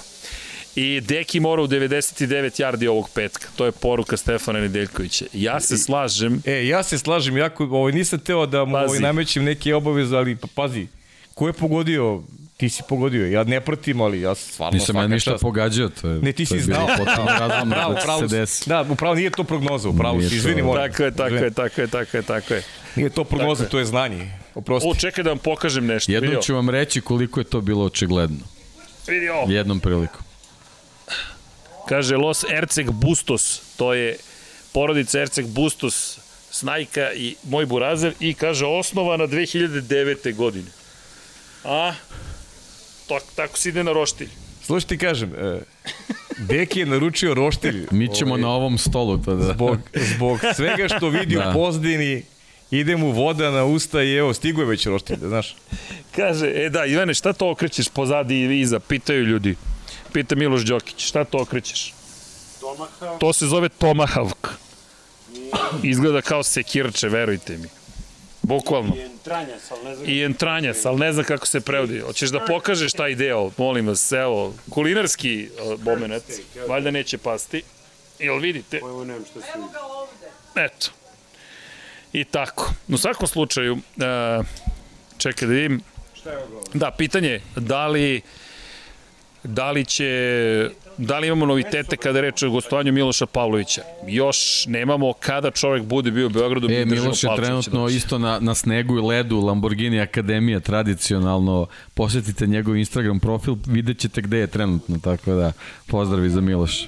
Da, inače to smo se dogovorili sad, sad je, da sad je ovaj sad su oni trenuci godine kad se uživa ovaj u vožnji tako da Čekaj da da da podelim sa Miloš Pavlović.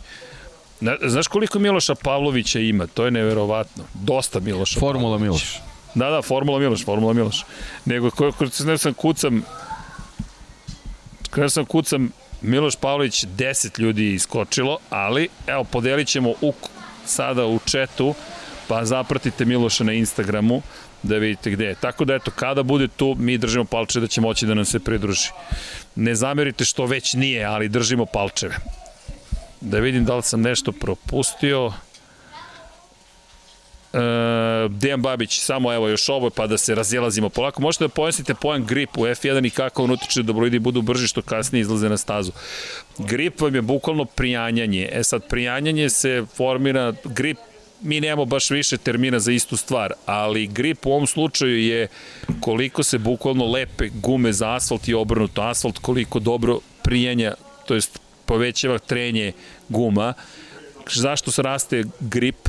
Raste zato što se utrljava količina, velika količina guma. Što su bolidi više na stazi, utrljavaju gume. Ali nije samo to. Temperatura takođe koliko god blago raste i uz atmosferske uslove koji su povoljni u tom trenutku, vi dobijate stazu koja je mnogo lepljivija, bukvalno. Tako da zato raste grip. To nije univerzalno pravilo. Najčešće raste nivo prijanjanja, ali ponekad se desi da na kraju ipak ne bude toliko dobar. Prosto nešto se promeni u vlažnosti vazduha, u temperaturi asfalta i više nije, ne, ne lepi toliko pneumatici. A oni bukvalno fizički lepe. Ako obratite pažnju kada se završi trka i pređu preko ostataka klikera praktično koji su otpali gumenih kuglica koje su otpale sa guma, prelaze preko njih na kraju trke kako bi povećali težinu svojih guma i bolida, kako bi prošli tehničku inspekciju, pošto uvek gledaju da u gram praktično završe trku koliko je dozvoljena minimalna težina bolida da bude. Tako da zapravo čista fizika i hemija, ali fizika pre svega, više gume utrljeno u asfalt, bolje prijanja, bolje lepi i to je, to je u suštini grip. I eto, nadam se da smo nadam se da smo pozitivno odgovorili, a jedan info za Paju za kraj Burkina Faso je u polufinalu Afričkog kupa nacija, pozdrav društvo. Ne, pa normalno, to je prilika da se častimo. Tako je, bre. Tako je. To je Tako da, očekivano. Da, u ime Burkine... džabe na more u Burkinu Faso. Tako je. Mi ćemo u ime Burkine Faso, mazite se, pazite Mi ćemo se. Burkinerci je. To, to. U ime Burkine Faso, ja vam želim iz Južne Amerike jedan veliki pozdrav. Ljudi, O, vi ste tamo ekipa, ja vam želim da lepo uživate u tom roštilju, ja ću se potruditi da opravdam Hvala takav ti. isti užitak ovde i želim vam zaista lepu zabavu svima koji su sa nama, hvala vam na praćenju i hvala što ste nas ispratili. I u ovim zimskim mesecima se trudimo da budemo hiperaktivni, studiju smo preneli u Čile delimično, malo pokrali opreme, Vanja, vraćam sve bezbedno, Deki, izgledaš kao pravi tigar bengalski, veruj mi, u toj opremi s tom bradom, baš onako šampionski navijam, ne za vas nužno, ali navijam za tebe. Već smo šampioni, da se, tako da sve ok. Pa, vidi, šampioni ste AFC-a, fakat, tako da držim vam palče da bude dobra utakmica. Navijačima Rensa takođe želim dobru utakmicu, neka bolji pobedi, pa jo, tebi želim lepo uživanje, mi deki se čujemo sutra, imamo Hvala, motorima Srki. tek da pričamo. Tako Ljubim je. vas i volim, mazite se naravno svi zajedno i pazite se i budite dobri jedni prema drugima. Udrite like, udrite subscribe, možete i join, posetite patreon.com kroz Infinity Lighthouse. Svaka podrška i tekako znači i shop.infinitylighthouse.com takođe, ali 917 na 3030 ili Human 917 na 455 ukoliko ste u Švajcarskoj. Uz ovu vrisku klinaca iz Čilea, ja vas pozdravljam, to znači da je hrana spremna. I u to ime da završimo ovaj kulinarski specialitet, evo moja mama vam viče čao. Ćao Ljudi, svima, čao. Budite čao. Adios amigos. Adios amigos i laka vam noć i naravno mazite se pazite se i čao svima. Ćao. Ćao.